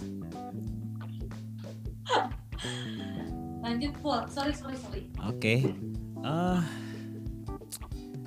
Sambil lu- eh, hampir lupa nih pertanyaan tadi apa ya selanjutnya. Saking asiknya ngomongnya kebanyakan kebanyakan ngebohong sama mama makanya sering lupa Bukan- apa yang mau diomongin. Buka ini kebanyakan jadwal ini tuh jadi sering lupa busy man. Ya menyibukkan diri lah dengan apa pun apa pun gitu. Ny- bikin habit sendiri kayak harus bangun pagi terus bikin kayak mini kayak kita pergi ke kantor pagi-pagi bangun mandi terus pakai baju rapi. Terus padahal ngopi. Enggak jadi keluar dari jadi kia aku bikinnya bikin kebiasaan dan misalkan sebelum bulan puasa bikin bangun pagi mandi pakai baju rapi udah mau berangkat kerja aja. Padahal si meja kerja tuh di depan ini depan apa depan kamar gitu. Jadi Kamar. eh, eh, depan kamar. Set jadi ngerjain ngedit video lah atau hanya sebatas dengerin kayak eh, tentang politik tentang kayak gitu. Jadi jam eh, beres tuh jam 3 sore udah pulang kerja gitu nah tapi itu bagus sih itu kebiasaan yang bagus. Serius? Karena dengan begitu iya karena dengan begitu kayak kamu tuh kayak terbiasa oh ya ini tuh aku tuh dari jam segini sampai jam segini tuh harus kerja nih. Kalau kamu nggak buat kayak gitu bisa aja bangun "Ya udahlah jam 9 aja. Udahlah aku mulai kerja jam 11 aja. Udahlah beres kerja jam 1 atau gimana. Tapi kalau kamu buat habit kayak gitu itu bagus. Serius? Jadi karena kan eh, COVID-19 juga nya terus memang eh, kerjaan pun nggak nggak benar-benar begitu banyak. Tapi ku bikin lah eh, kayak schedule kerjaan bikin apa harus bisa apa harus bisa apa harus bisa apa gitu. Jadi dengan sendirinya oke jam segini bangun gitu mandi udah kayak orang bego sih kalau dilihatinnya tapi kan nggak apa-apa. Kalau selama itu habit yang bagus itu bagus. Benar sih, tapi ada manfaatnya lah. Tapi bulan puasa tuh belum nih, belum belum ngelakuin hal kayak gitu lagi. Karena sekarang kan kalau di sini tuh jadi ada giliran ya. Karena banyak orang kan giliran masak yang masak sahur siapa hari ini yang masak buka siapa hari ini. Banyak lah. Jadi seru lah. Jadi tiap hari tuh ada aja orang yang dapur gitu atau sekedar nge- ngebersihin rumah ada yang wah banyak lah. Soalnya kan di sini ada 12 orang. Dari saat ada beberapa orang yang dari Kalimantan Barat terus dari Tasik saya kan di teman gitu ada yang dari Jo- Yogyakarta. Mereka motret semua atau gimana? Enggak enggak jadi ada yang eh, dari Malang tuh jadi dia seniman eh, patung terus eh, temen dari Banjar i- dari Banjar eh, itu eh, lebih ke teater terus ada yang eh, fokus di kayak permainan outbound ada yang memang sound engineer kayak tadi tuh Mas Rusdi tadi tuh.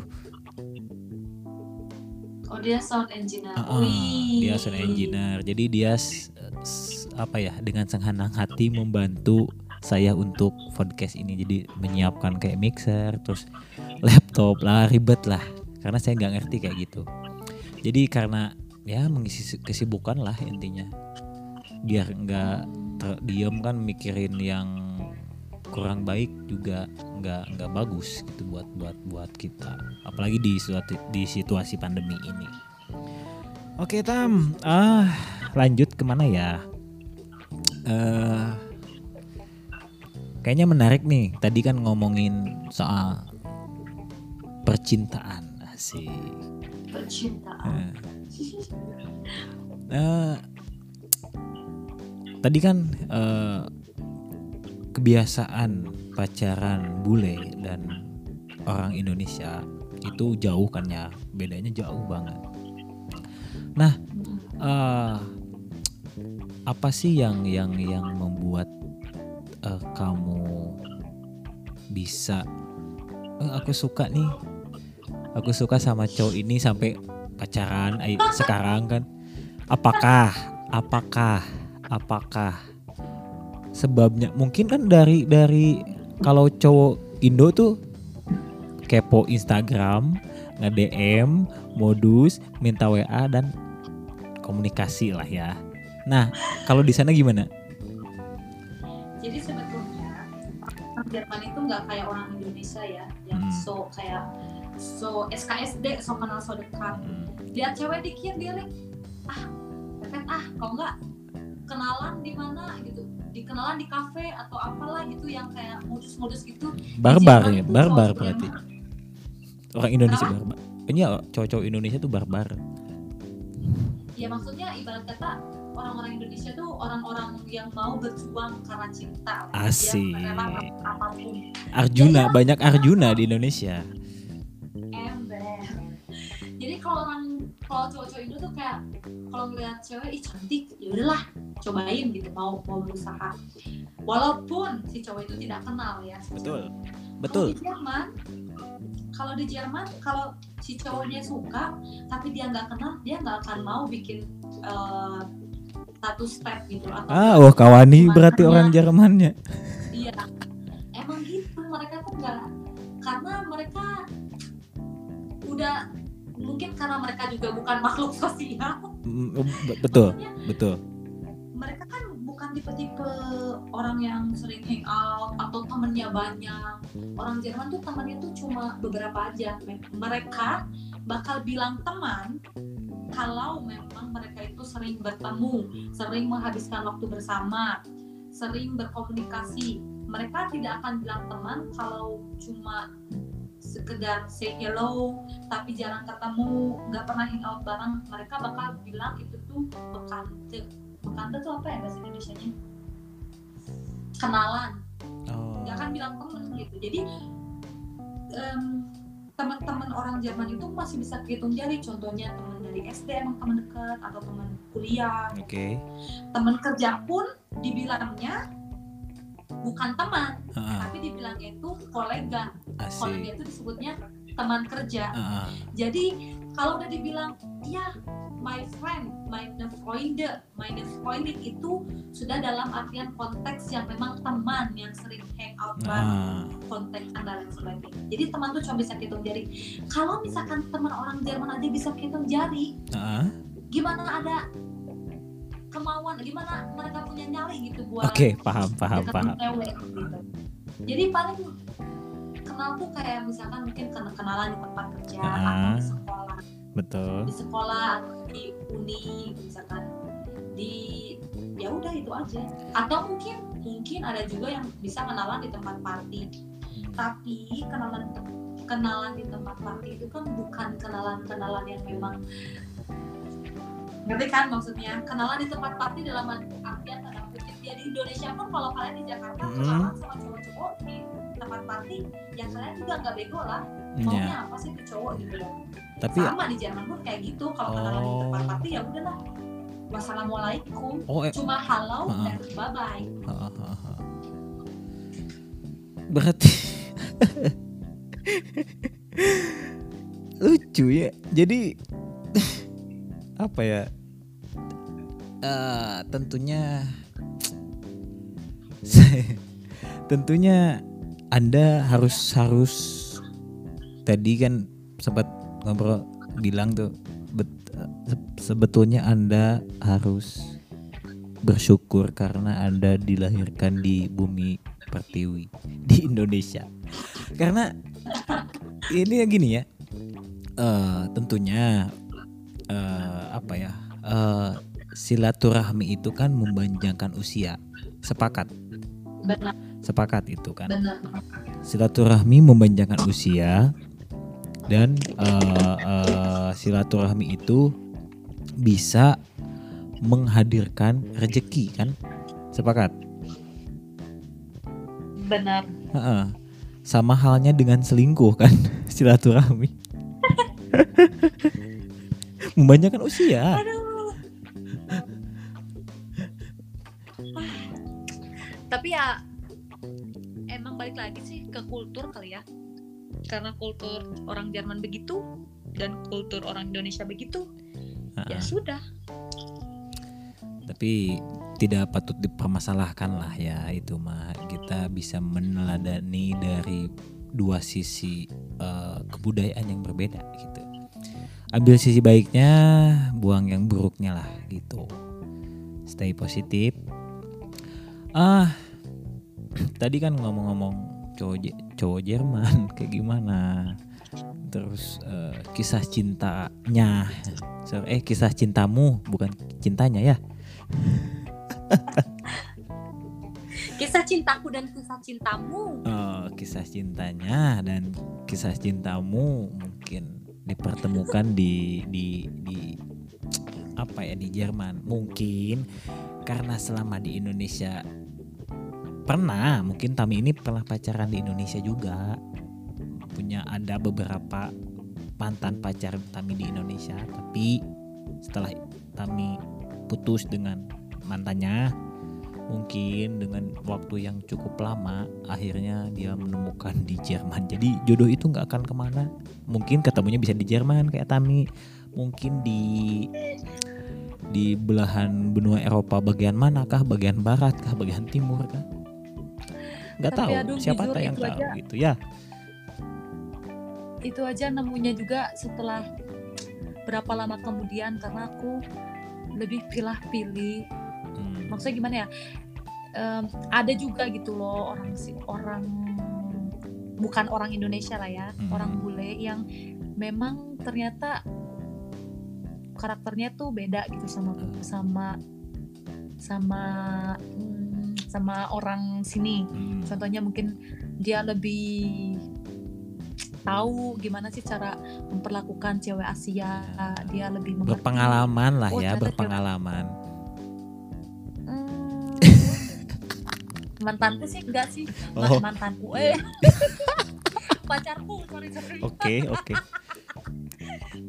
Oke. Enggak pacarku Mm-mm. maksudku pacarku yang sekarang dia belum pernah punya pengalaman pacaran sama orang Asia sama sekali aku pacar Asia pertamanya tapi Asik. memang dia dasarnya orangnya baik Mm-mm. jadi mau nganter jemput kalau emang dia Oh. punya waktu ma- dia tuh mau nolong mm-mm. nggak nggak cuma kayak pacaran cuma sekedar lo lo gue gue udahlah pokoknya dia bisa disebut 70% Asia 30% bule lah oke jadi makanya kenapa cocok betul. Kalau mantan-mantan yang kemarin kenapa tidak cocok putus karena sifatnya sangat-sangat bule gitu. Oke oke. Bule banget lah ya.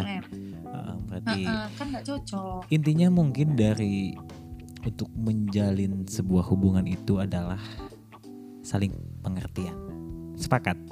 Pengertian bener. Hmm. terus mencoba buat saling balance satu sama lain. Hmm. contohnya aku pun kan pacaran di sini nggak ngikutin 100% gaya pacaran orang Indonesia Hmm. aku pun ngikutin gimana caranya ngebalance gimana sih Ah. balance sama gaya pacaran orang Yap, sini walaupun Mbak. tidak 100% Nah, tapi mencoba jadi kan kita ketemunya di tengah-tengah Hmm. itu betul betul betul.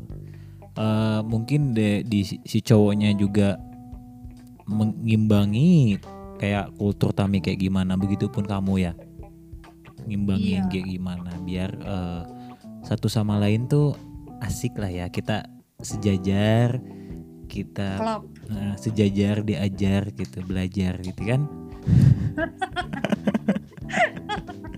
Ya saling belajar memahami, saling belajar mencintai karena kita beda kultur gitu kan. Sejajar dalam artian kita sama-sama makhluk ciptaan Tuhan gitu. Ya tidak tidak mengenal apa gender gitu. Kita harus diperlakukan sama mungkin gitu ya. Eh, ya.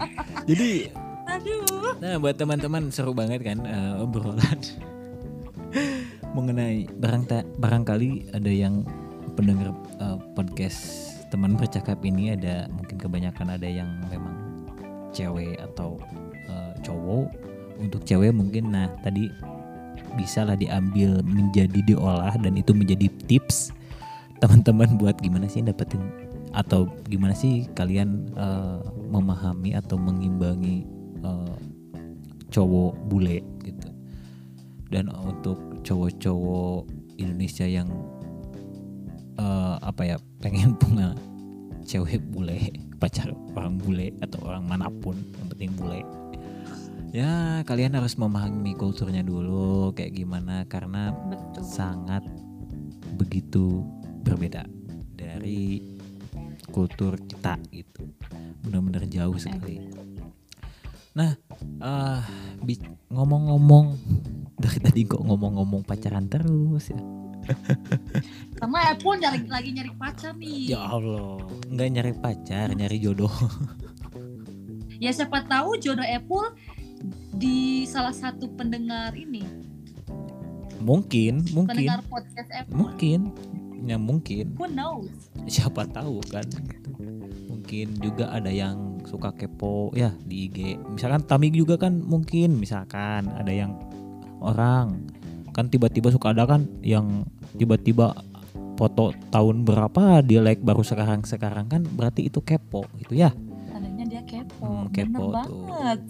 Jadi mungkin ingin mengenal lebih dekat dengan Tami gitu. Kan siapa tahu bukan Kayaknya untuk ini buat ngomongin- buat buat ngomongin buat jadi bukan buat jadi pacar kan bisa jadi buat teman baik gitu teman ngobrol Hmm. gitu kayak gini kan asik gitu bisa sharing sharing pengalaman gitu.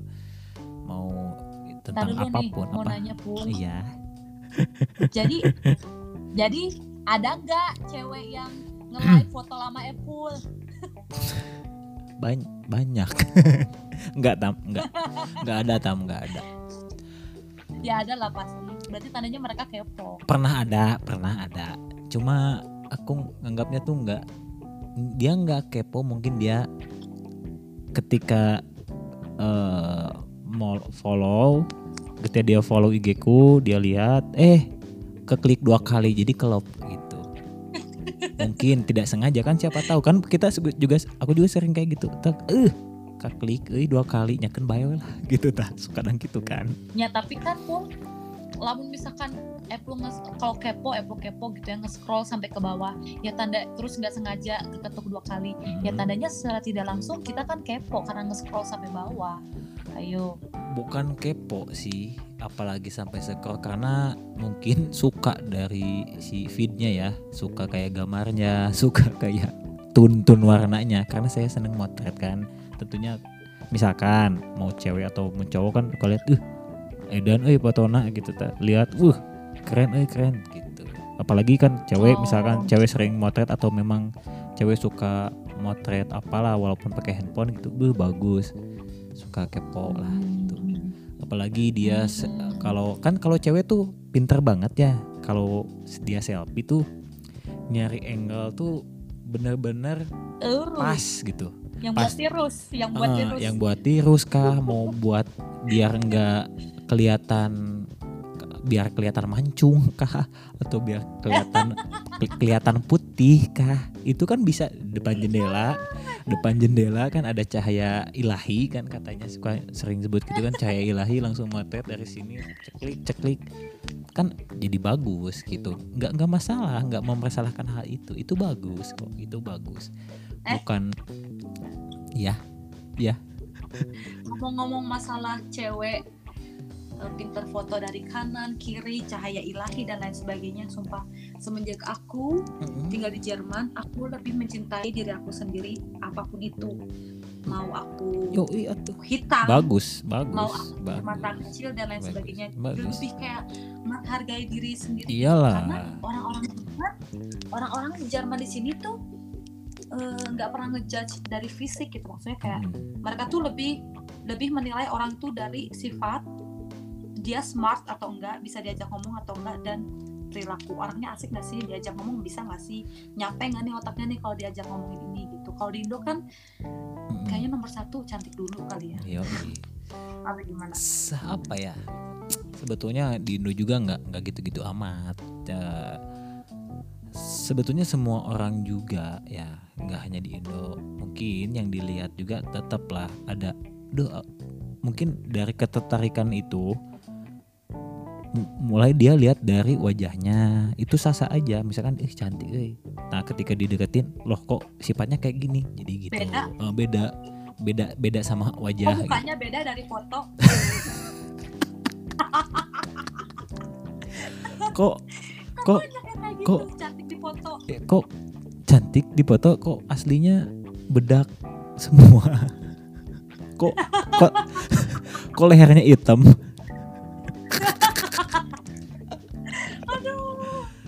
Astagfirullah. Nah buat teman-teman pernah nggak ngalamin kayak gitu? Boleh di share ya di di di di komen atau kalian DM di IG-nya saya bisa.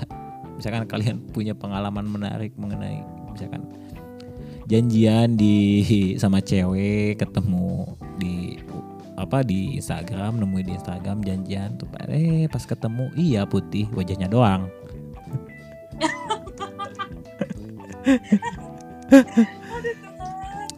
Ya, ini bukan apa ya, bukan untuk mendiskreditkan atau menghina salah satu pihak, tapi ini berdasarkan pengalaman, pasti ada tuh yang kayak gitu. Nah, dan juga pernah tuh temen saya tam kayak gitu ketemuan, be cantik katanya, lihat fotonya cantik. Tapi katanya kalau misalkan video call itu jarang jarang diaktifin kameranya. oh iya Oh, kenapa? Alasannya gak mau katanya soalnya nggak pakai kerudung. Oke, oh berarti baik nih ceweknya. Oh, udah samperin ya, ketemuan lah gitu, ketemuan dan cukup mengejutkan hasilnya. jackpot Yoi, cukup memberikan hasil yang luar biasa. Tapi sebenarnya ya Bu ya kalau misalkan di Indo itu nggak ada yang namanya body shaming atau nggak ada yang namanya eh, ngomongin masalah skin tone Yes. atau ngomongin masalah fat cabi dan lain sebagainya kalau mereka nggak ngomongin kayak gitu ya aku yakin semua cewek-cewek di Indonesia bakal lebih mencintai dirinya sendiri Bener, Karena lebih pede. apa? Itu tuh terjadi sama aku dan teman-teman aku orang Indonesia yang ada di sini di Jerman Ah. Apa pun bentuk wajah kita hidung kita mata Mm-mm. kita warna kulit kita kita tuh nggak pernah ngerasa insecure sama sekali karena mereka tuh nggak ada yang ngomongin mereka Ah. tuh nggak nggak sibuk ngurusin badan Ah, kita gitu. Jadi benar, kita tuh benar. kayak ngerasa oh my god. Langsung kita ngerasa oh my god I love myself. Aku cinta banget sama diri aku. Ya tuh. Intinya masih untung lah di, masih dikasih nyawa. Itu kan harus kita syukuri lah kan tadi harus disyukuri kita masih bisa berjalan kita masih bisa makan masih bisa bicara terus ada suaranya lagi kan benar-benar harus disyukuri gitu. Mau rambut kamu keriting kek mau rambut kamu lurus kek mau kulit kamu hitam kayak putih kayak coklat kuning ungu bebas. Cewek-cewek Indonesia kan ah. ini ngikutin standar cantiknya orang Indonesia. Makanya kenapa itu pula yang Apple bilang ada yang mukanya putih tapi tangannya hitam. Ah, karena mereka itu insecure. Mereka tuh diomongin banyak orang ih hitam. Ih ini. Ih Ah. itu. Karena Indonesia tuh sudah menye- udah ada patokan gini. Standar beauty Indonesia. Langsing kurus ah, ini putih dan lain sebagainya. Di Jerman tuh nggak ada standar-standar begitu you are beautiful aja. Ya udah kalau kamu cantik ya udah. Cantik terserah mau pacar Nah, atau kalau kalau ngomong-ngomong itu ya kayak kulit hitam terus apalah gitu ya. Sebetulnya kan banyak ya kalau misalkan di di di Indonesia atau khususnya di ruang lingkup eh, teman-teman saya di Tasikmalaya kan eh, mau itu teman saya ngeledek saya untuk melakukan body shaming begitupun saya ke teman saya karena itu menjadi hal yang no problem nggak masalah gitu. Terus mungkin karena kita udah deket gitu itu nggak terlalu terlalu banget dipikirkan gitu. Karena itu hanya sebuah candaan mungkin. Ya kalau misalkan kita body shamingnya yang nggak kenal ya kasihan lah gitu janganlah gitu. Iya. Itu hanya untuk apa ya untuk orang yang memang udah deket udah kenal udah wah benar-benar bareng-bareng. Mungkin lah pasti semua juga eh, kalau ketemu teman deket tuh kayak udah udah apa ya nggak nggak kayak obrolan tuh nggak ada dibatasi gitu. Wah jebol jebol gitu. Gas gas aja gitu ngobrol apa pun bebas mau ngomongin jorok kayak mau ngomongin apa pun kayak yang penting kan kalau udah ketemu teman itu benar-benar suatu kebahagiaan. Melepas stres ya di luar dari kesibukan gitu adalah menemukan teman-teman terbaik yang selama ini support kepada kegiatan kita.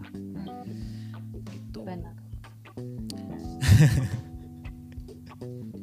Apakah anda ngomong-ngomong ngo- sorry nya ini bukan body shaming. Mhm. pernahkah anda merasakan sakit hati karena ada mungkin ada orang yang oh kak Tami gendut ah Tami hitam wah Tami kayak apa? Jujur jujur ya justru aku ngerasa insecure itu waktu aku di Indonesia. Hmm, jadi aku nggak mau kena sinar matahari pergi Ya. ke dokter kulit asik. terus eh, eh, terus eh, nge-rebonding rambut nge-smoothing Hmm. rambut dan lain sebagainya. Karena ya itulah standar cantik di Ah, Indonesia seperti itu. Tapi setelah aku datang ke Jerman kok begini ya? Mereka nggak nggak kepo sama sama berat badan kita Ah, ah. atau apa lain sebagainya. Makanya sampailah aku tuh naik 12 kilo malah 13 kilo atau 14 kilo gitu lah ya. Naik berat badan karena aku ngerasa merdeka. Oh ya udahlah terserah iya merdeka. Aku nggak Betul. pernah takut betul. sama skin tone aku nggak pernah Benar. takut sama benar. eh, pipi aku yang cabi jadi ya naik tapi setelah pikir-pikir sekarang kenapa turun berat badan ya karena pertama eh, aku olahraga pun karena biar sehat gitu Nah. tapi ternyata dapat bonus turun sedikit jadi ya wes oh opo-opo Oke. Hmm. Terus gini ya. Nah, ngomong-ngomong tujuh sangat sensitif sensitif banget kan kalau ngomongin apalagi cewek kalau di misalkan mau itu aku misalkan aku sebagai cowok nanya mau itu si cewek yang eh, apa nyuruh nyuruh cowoknya ngasih pendapat kayak gini aku gendutan nggak sih sekarang? Jujur kan kan gitu jujur. Eh, enggak kamu bohong. Ya gendutan kamu jahat. Terus terus terus kalau misalkan kita nanya kamu sekarang karena lockdown sering makan ya jadi agak eh, apa agak nambah berat badan? Enggak. Aku bla bla bla bla. Banyak kan alasan oh itu itu tuh naik naik naik berapa kilo kan? Jadi sensitif tuh ya. Jadi jadi mukanya tuh Hmm. apaan sih lo nanya-nanya berat badan gue? Gitu kan. Tapi ketika dia nanya, dia nyuruh kita ngasih pendapat seolah-olah kita yang disalahkan padahal kita hanya berpendapat dan itu pun disuruh. Oke, lala- lelaki selalu salah, tapi lelaki merdeka.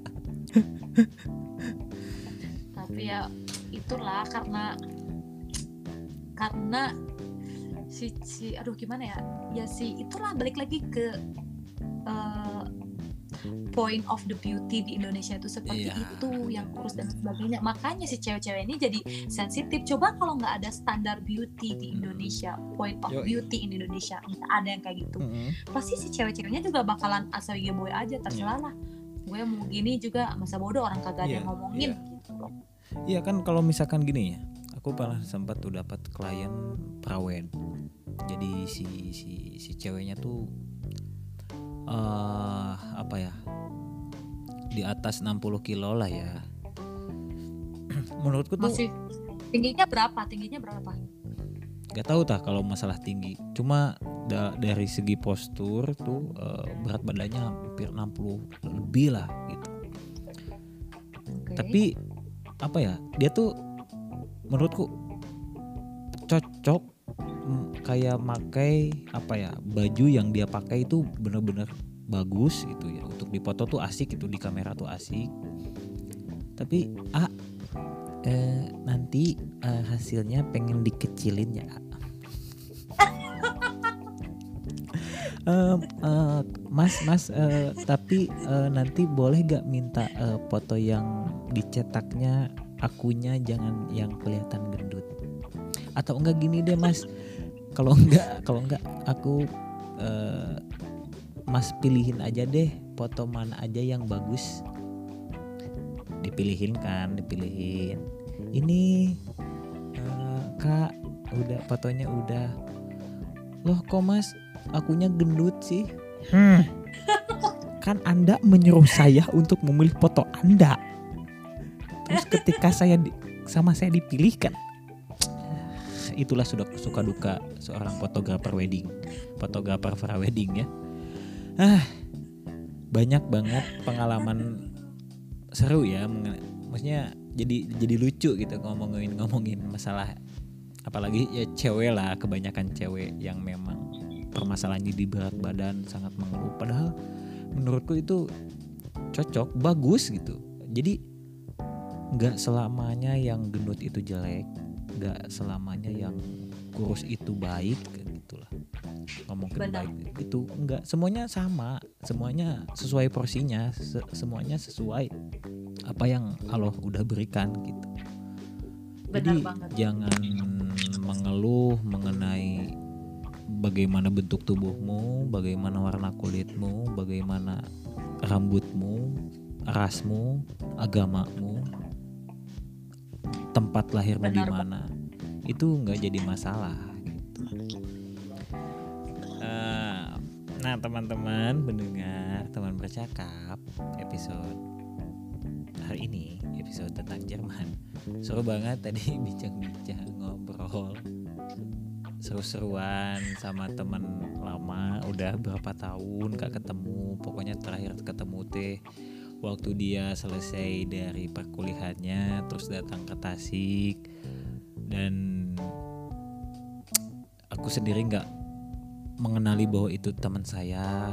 Eh pas pulang. Ih Tami. Inget nggak Tam? Kok jadi kayak batu arang inget inget gak Tam? Yang pas kapan? Kamu dipoto di studio di di Empang oh iya yang sama mama sama bapak ya waktu bapak masih hidup ya? Eh semua maksudnya waktu bapak masih ada. Di sama tam ini bukan sama teman-teman. Teman-teman. Oh, yang aku pas pakai kerudung. Heeh. oh god my god this is English please. Ah! Itu masih zaman kuliah. Oh masih zaman kuliah. Sorry sorry. Kan itu kalau nggak salah itu terakhir kali ketemu deh kalau nggak salah. Heeh, terakhir kali ketemu selebihnya nggak pernah nggak pernah langsung ketemu ngobrol langsung gitu. Hanya ya paling ada kalau misalkan eh, kalau teman-teman pengen tahu misalkan dia tuh aku tuh kalau misalkan apa ya pengen ngobrol ya paling eh, ngomen instastorynya itu di, lagi di mana terus ih keren banget gitu full tapi yang terakhir waktu tahun apa yang Apa? aku masih tinggal di Munchen itu kita pernah lah aku yang curhat itu loh full yang aku nangis nangis Ah, ah, ah, ah. Heeh. Iya kan seleb- selebihnya, selebih selebihnya nggak pernah langsung ketemu gitu, tamu sih langsung ngobrol gitu, seserian gitu bareng ngobrol kenaon gitu kan. Paling selama ini di di di medsos, di WA, di IG, Ba- Ya. tapi itu tidak menghalangi apa ya silaturahmi lah ya. Oh, sebetulnya eh, apa ya eh, ada satu kalimat bagus apa ya walaupun kita tidak saling apa ya saling jumpa tapi kita masih bertatap muka gitu di. Betul. media gitu. Benar benar apalagi kan eh, eh, sekarang pandemik eh jadi sorry banget nih tamnya ke Tami itu juga orang jadi lebih apanya intens merenanya intens gitu ngobrol di Tami gitu. Bahkan eh, nonya aku sendiri teper jarang banget mikirin Tami G punya kesibukan gitu Tami pun punya waktu buat misalkan kerja buat tidur buat rebahan gitu sorry Hmm. banget sering ganggu gitu sering ya ganggu Oh, ah. walaupun hanya sebatas ngobrol-ngobrol nggak jelas kan gitu tapi Enggak, aku enggak enggak. Eh, yang penting semuanya ada manfaatnya ya aku yakin semua ada manfaatnya dan bisa bermanfaat bagi orang yang dengerin podcast ini jadi eh, apa yang kita bicarain sekarang ini gak jauh beda lah dari sebelum sebelumnya cuma bedanya sekarang ini diabadikan obrolan kita diabadikan di sebuah platform podcast gitu biar Iya. pengen nge-share doang sih nge-share pastilah ada ada manfaatnya gitu siapa tahu kan pengen tahu mengenai eh, Jerman mengenai kehidupan di sana mengenai gimana pacaran sama bule sama Pak Le. Eh, nah Tam eh, gimana sih itu eh, Bang Toman sehat? Abang teman sehat cuma kemarin karena dia kerja di rumah sakit dia tuh sempet kena kena corona. iya kah Iya, jadi aku tuh sumpah sih sedih banget itu sampai kayak gimana ya? Kayak kenapa sih gitu? Kenapa sih harus si abang? Kenapa sih gitu? Sampai kayak sedih si kau nangis ya kita drama-drama Nah, gitulah. Tapi kan masalahnya gini loh, aku tuh mungkin bisa dibilang lebay. Ini tuh aku tuh lebay tuh karena aku saking sayangnya gitu sama si abang. nah, Makanya sempat sedih. Tapi di satu sisi karena dia kena corona, dia kan harus ya maksudnya nggak boleh ke mana-mana. hmm, Jadi kalau di Jerman itu, kalau misalkan kamu kena corona, tapi kamu masih usia muda mm-mm.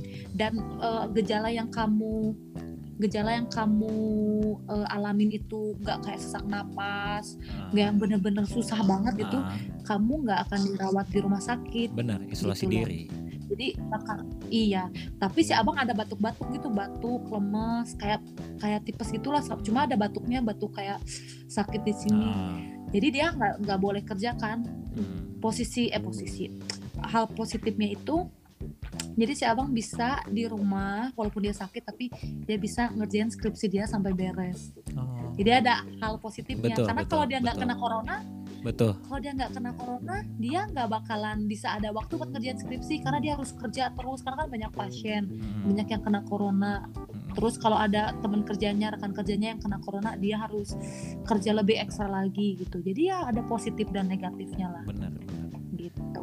Nah aku mikir gini karena corona ini kan lockdown terus semua orang di harus diam di rumah. Kenapa kita nggak bikin aja gitu? Kayak oke setiap setahun sekali ada di bulan tertentu satu bulan kita diam di rumah. Toh itu baik bagi bumi menurutku. Jadi iya banyak kan banyak banyak cerita-cerita teman yang memang dia kerja di kayak perhutani terus dia di di Galunggung sempat ngobrol ternyata Galunggung itu sekarang memang lebih asri bahkan kayak apa ya binatang-binatang yang belum pernah kita lihat itu dia ada. Jadi enak banget terus udaranya juga lebih seger lebih Iya. hijau lebih baik lah gitu. Menurutku bagus gitu untuk untuk alam gitu.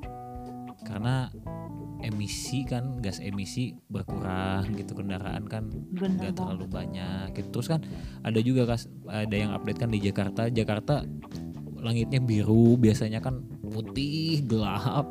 Sekarang ada biru gitu kelihatan biru berarti kan Hmm, udara di Jakarta udah mulai membaik gitu. Setidaknya jadi benar. setiap setiap bencana itu pasti ada hikmah di balik itu semua. Yakin. Betul. Mau itu Betul. Eh, hikmah terhadap eh, alam bahkan ya mau khususnya kepada manusia itu sendiri.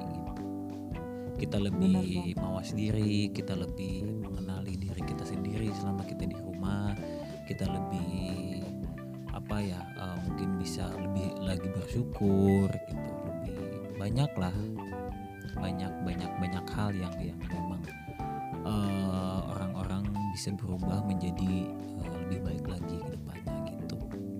Hmm, Eh, kesib Ya. Nah, tam eh, kesibukan kamu selain apa ya tadi? Eh, selain karena kan eh, sekarang udah kerja lagi ya di di hotel, terus tadi kan Hmm. pulang baru pulang habis nyiapin bukain bukain jendela. Rajin banget bukain jendela hotel. karena udah mau buka lagi pul. Jadi kita harus siap-siapin buat udara segar. Hmm. terus harus ngasih desinfektan juga.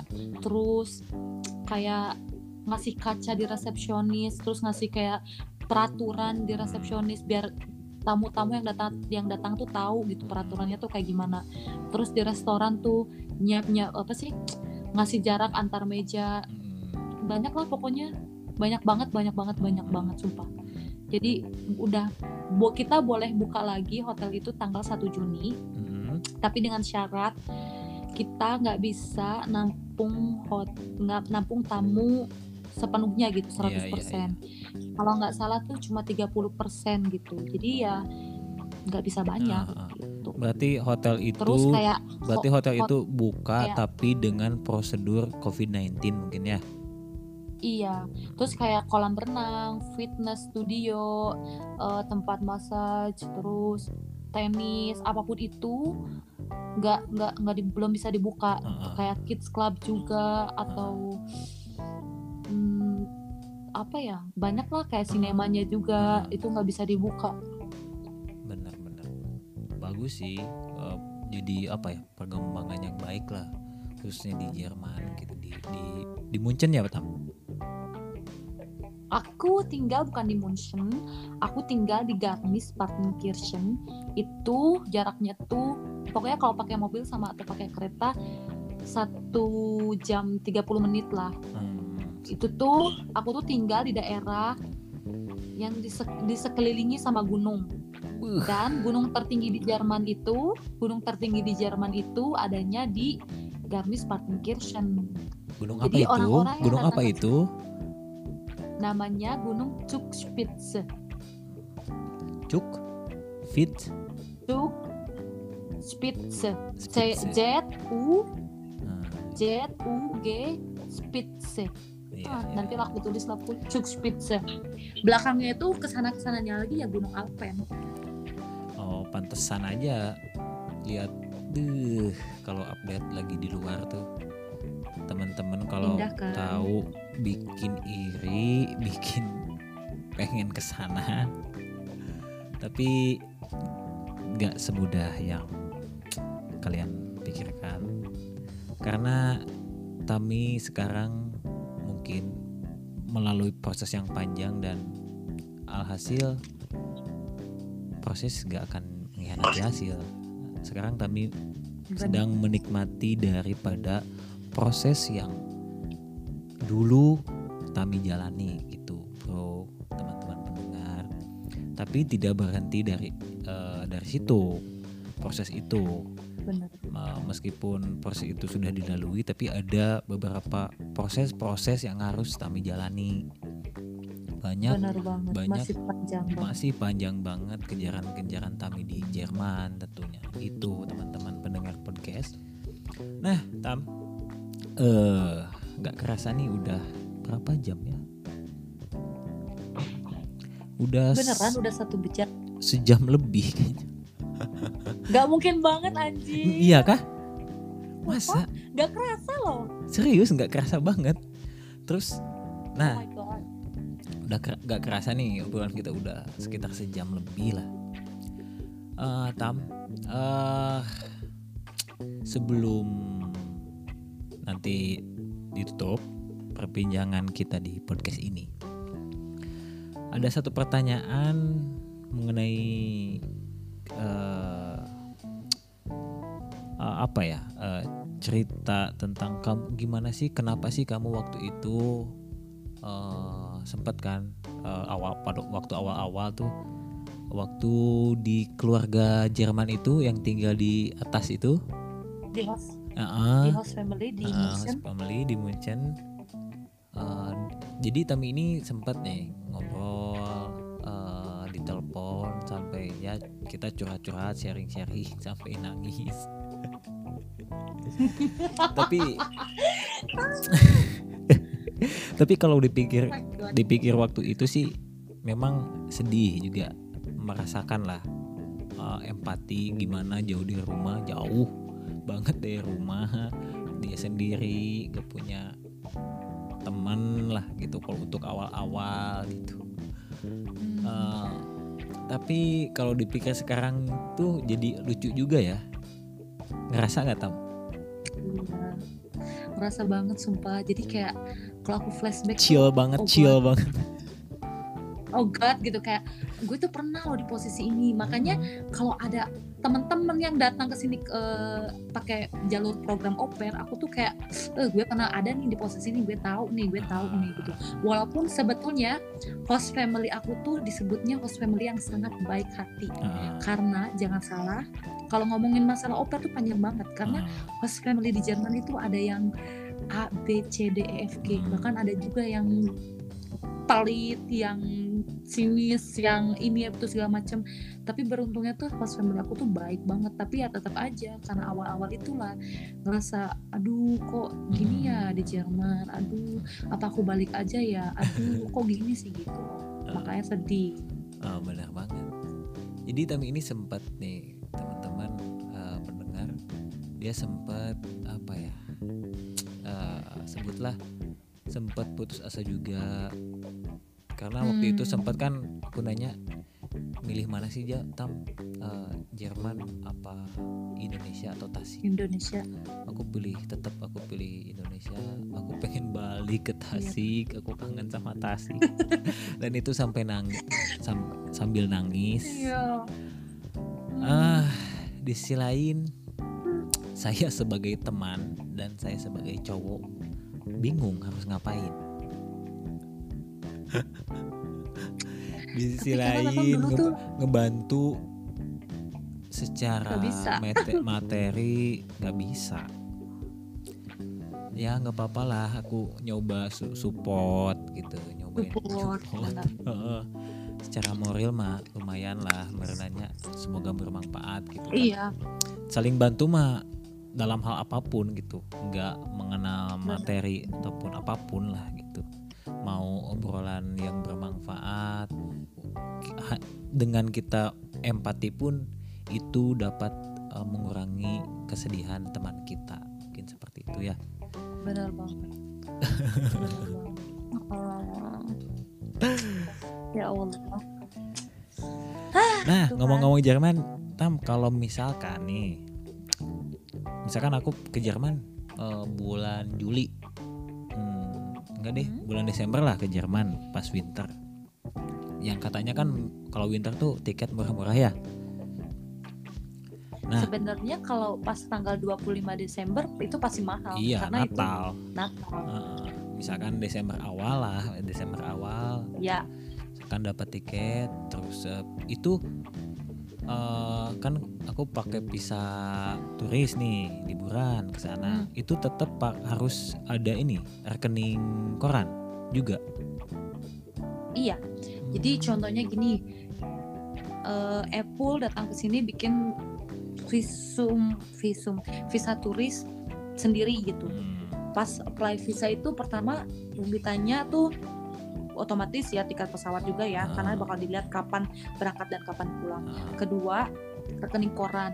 Mau dilihat nih berapa lama Apple bakal tinggal di Jerman. Cukup gak nih si tabungan buat menghidupi selama Apple stay di Jerman. Yang ketiga, asuransi. hmm. Karena datang ke Jerman pun harus ada asuransi dan itu juga lumayan sih.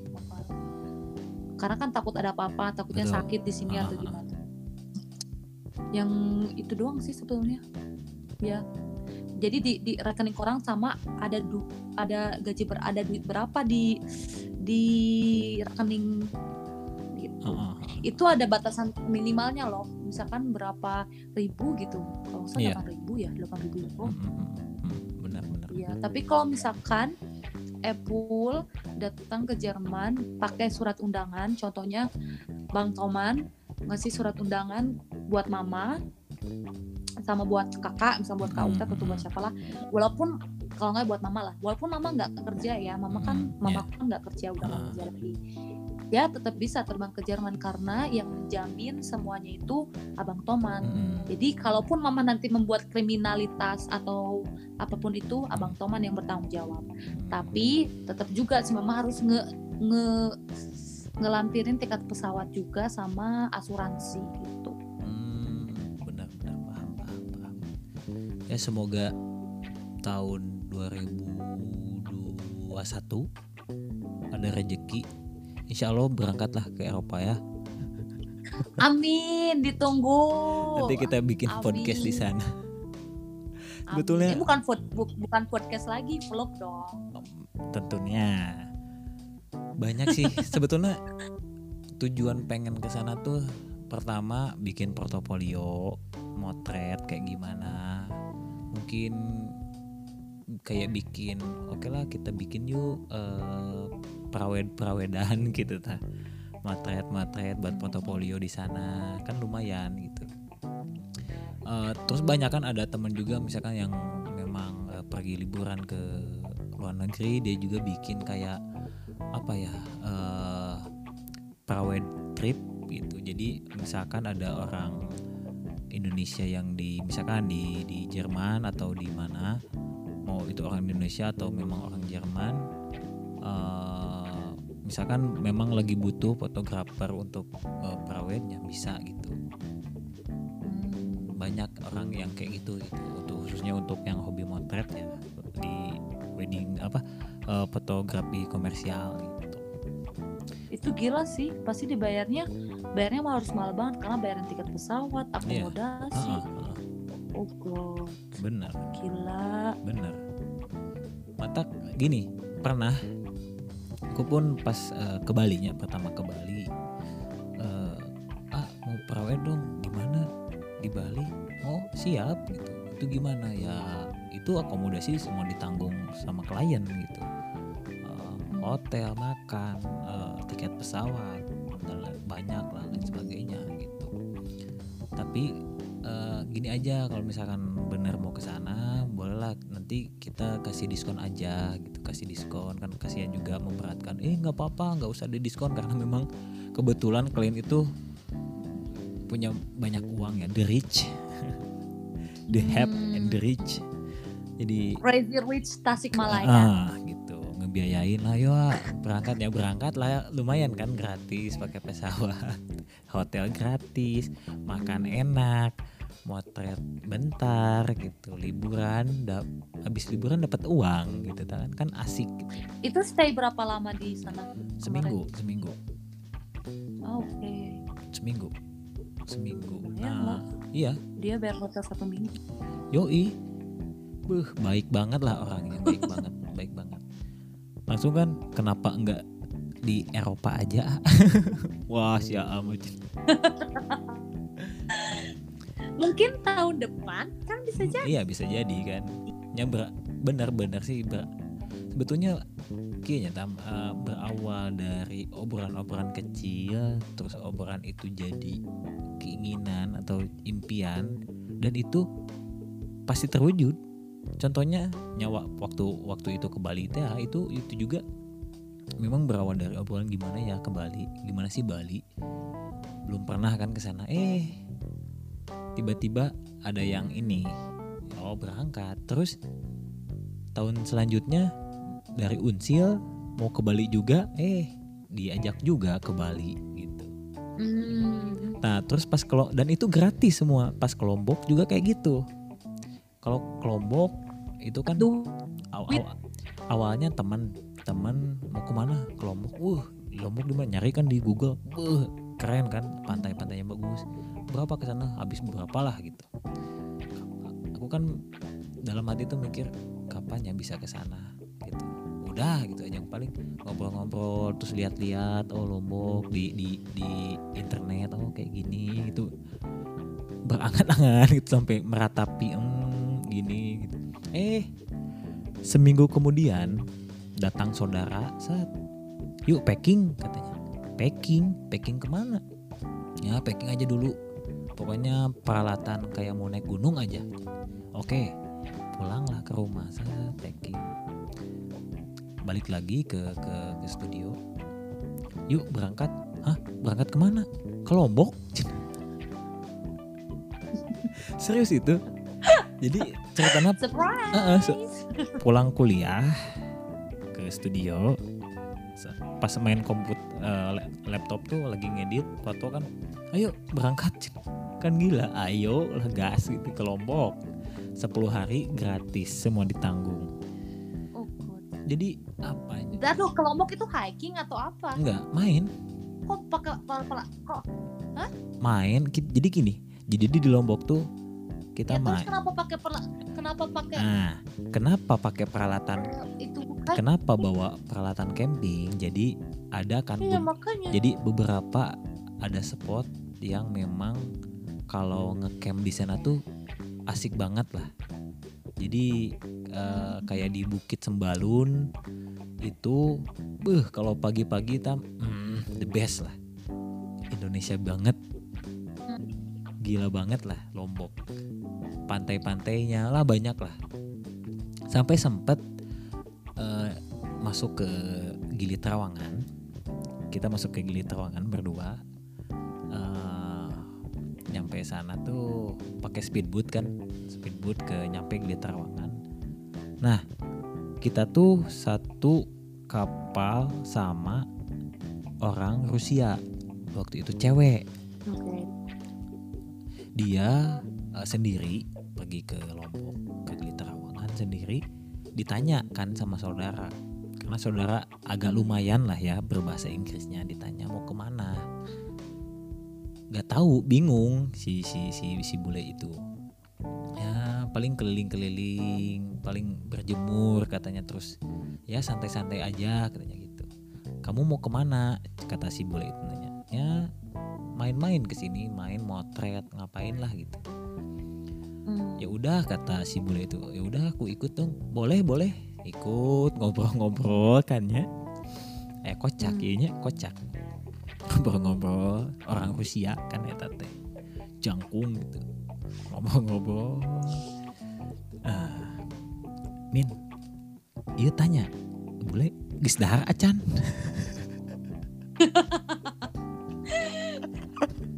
Ay ay ay. Eh, udah makan belum?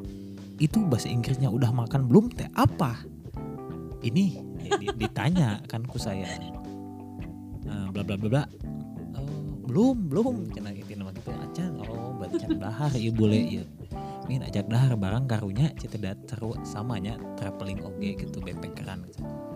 Makan bareng ngobrol bareng di pantai di sisi pantai sok panas-panas dan bule membiasa merinya udah kebiasaan Iya. memang itu yang dicari gitu kan kalau kita menjadi hidung atuh Ember. jadi hitam gitu ya kulitnya Yes.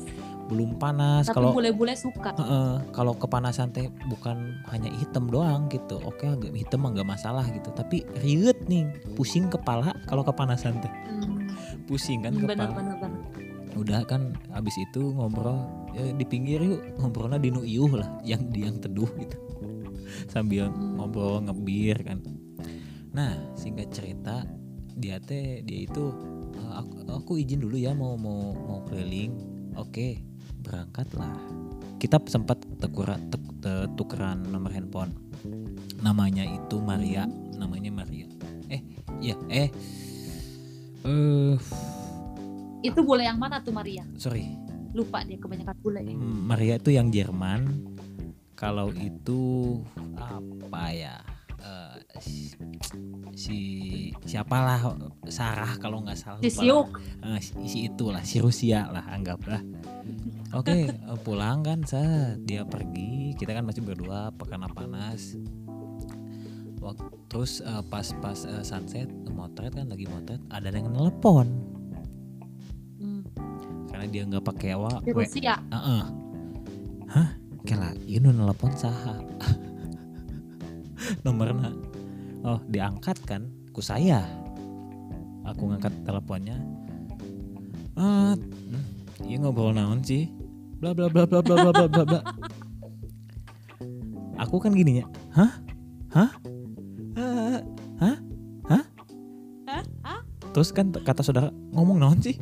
Teuing, ya di di intinya dia juga ngedengerin karena cepet bangetnya ngomongnya teh dia tuh sampai si bule itu kayaknya ya pareman bener tengartiin gitu nggak ngerti orang di di SMS lah kita SMS padahal Hmm. intinya di SMS-nya tuh eh tadi kita kan eh, sempet ya ngobrol-ngobrol di pantai katanya. Nah kalian nemu nggak sendal aku tuh hilang? katanya. Ya Allah.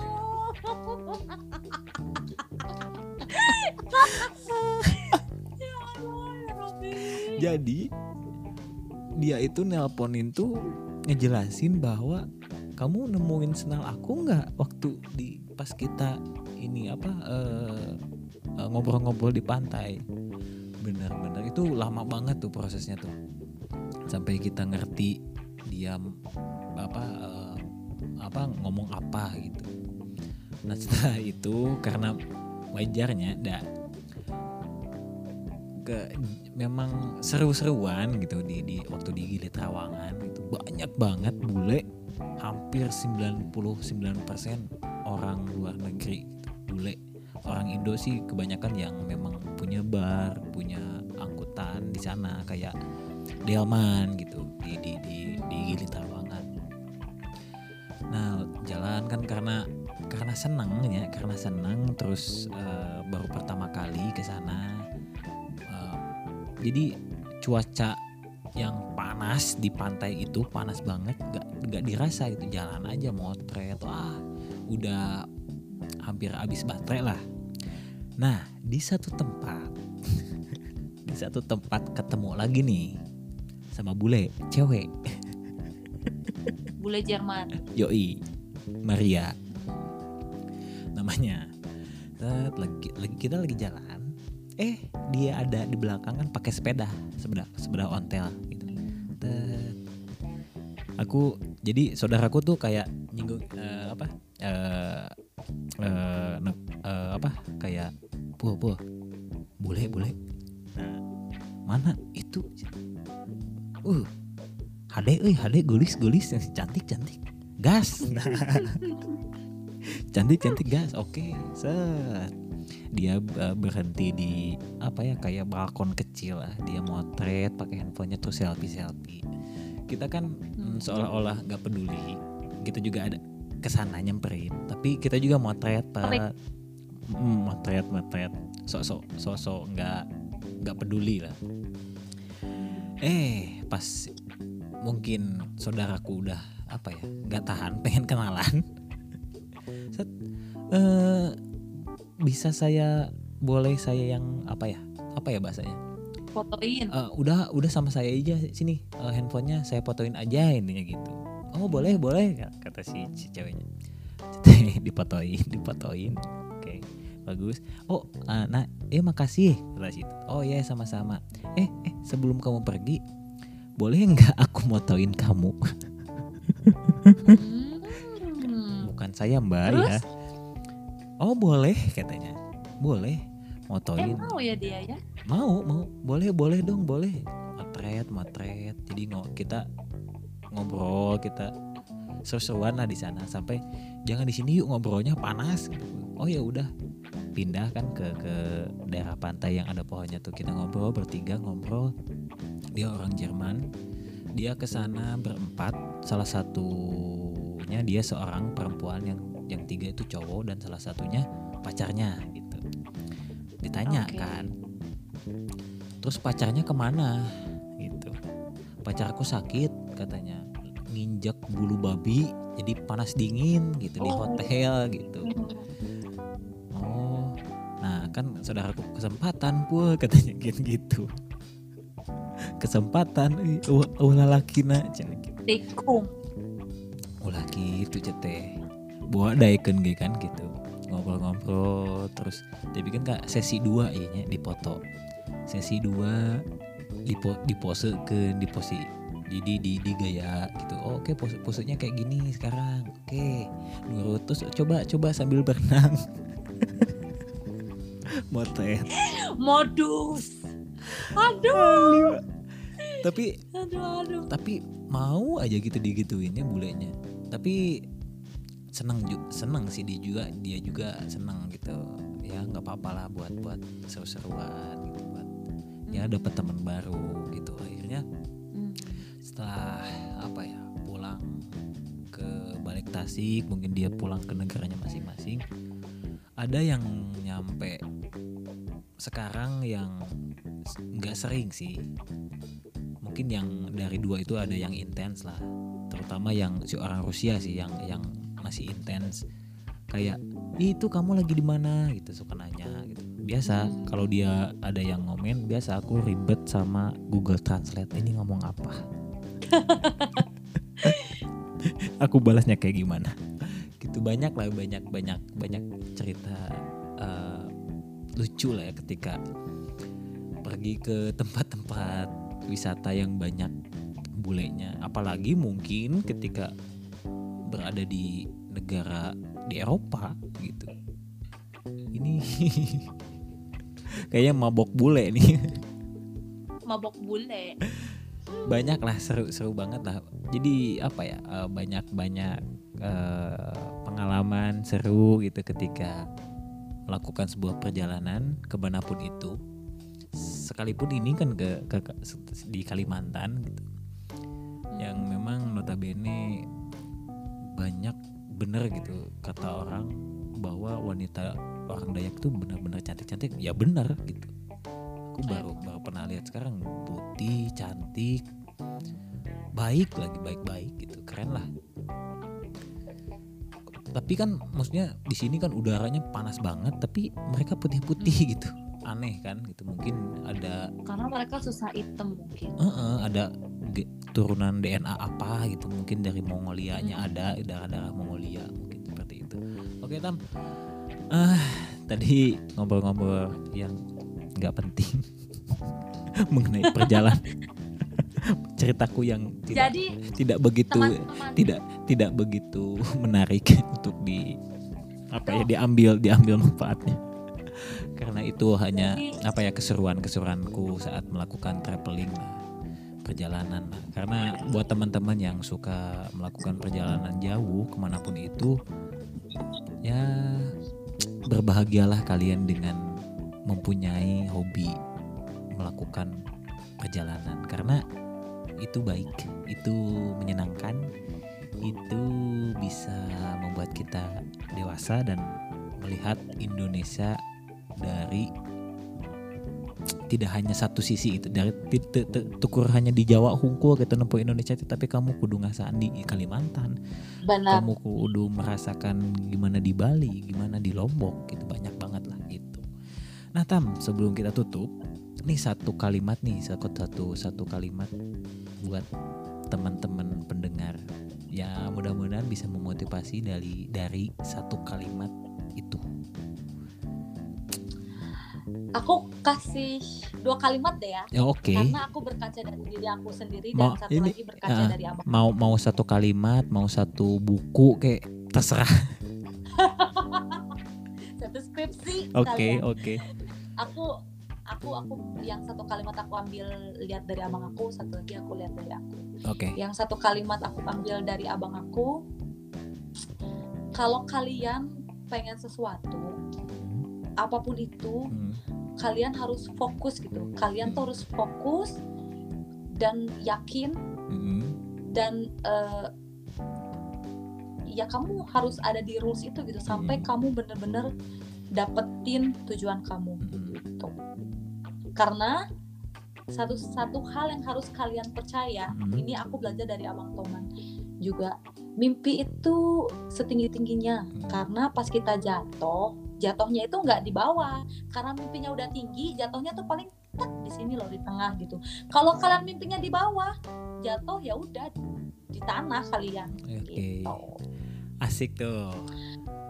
Nah, jadi ingat ini, jadi ingat presiden pertama eh, Indonesia, Presiden Insinyur Soekarno pernah bilang bahwa bermimpilah setinggi langit. Jika kamu jatuh, kamu akan jatuh di antara bintang-bintang.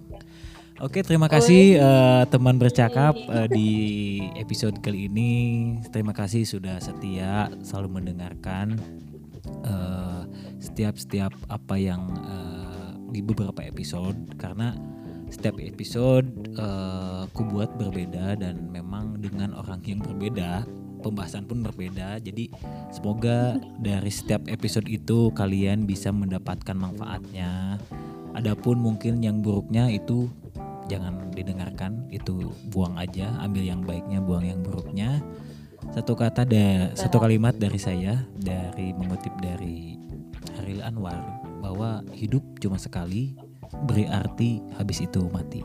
Thank you eh, teman bercakap. Semoga kalian tetap sehat. Semoga pandemi ini cepat berlalu. Kita doakan eh, semua tim medis yang eh, apa ya ber- ber- berjuang di garis depan diberikan kekuatan kesehatan. Amin ya robbal alamin. Selamat malam eh, selamat beristirahat. Sampai ketemu di teman bercakap episode selanjutnya. Thank you. Uh, keren banget. Kalanya nutup heula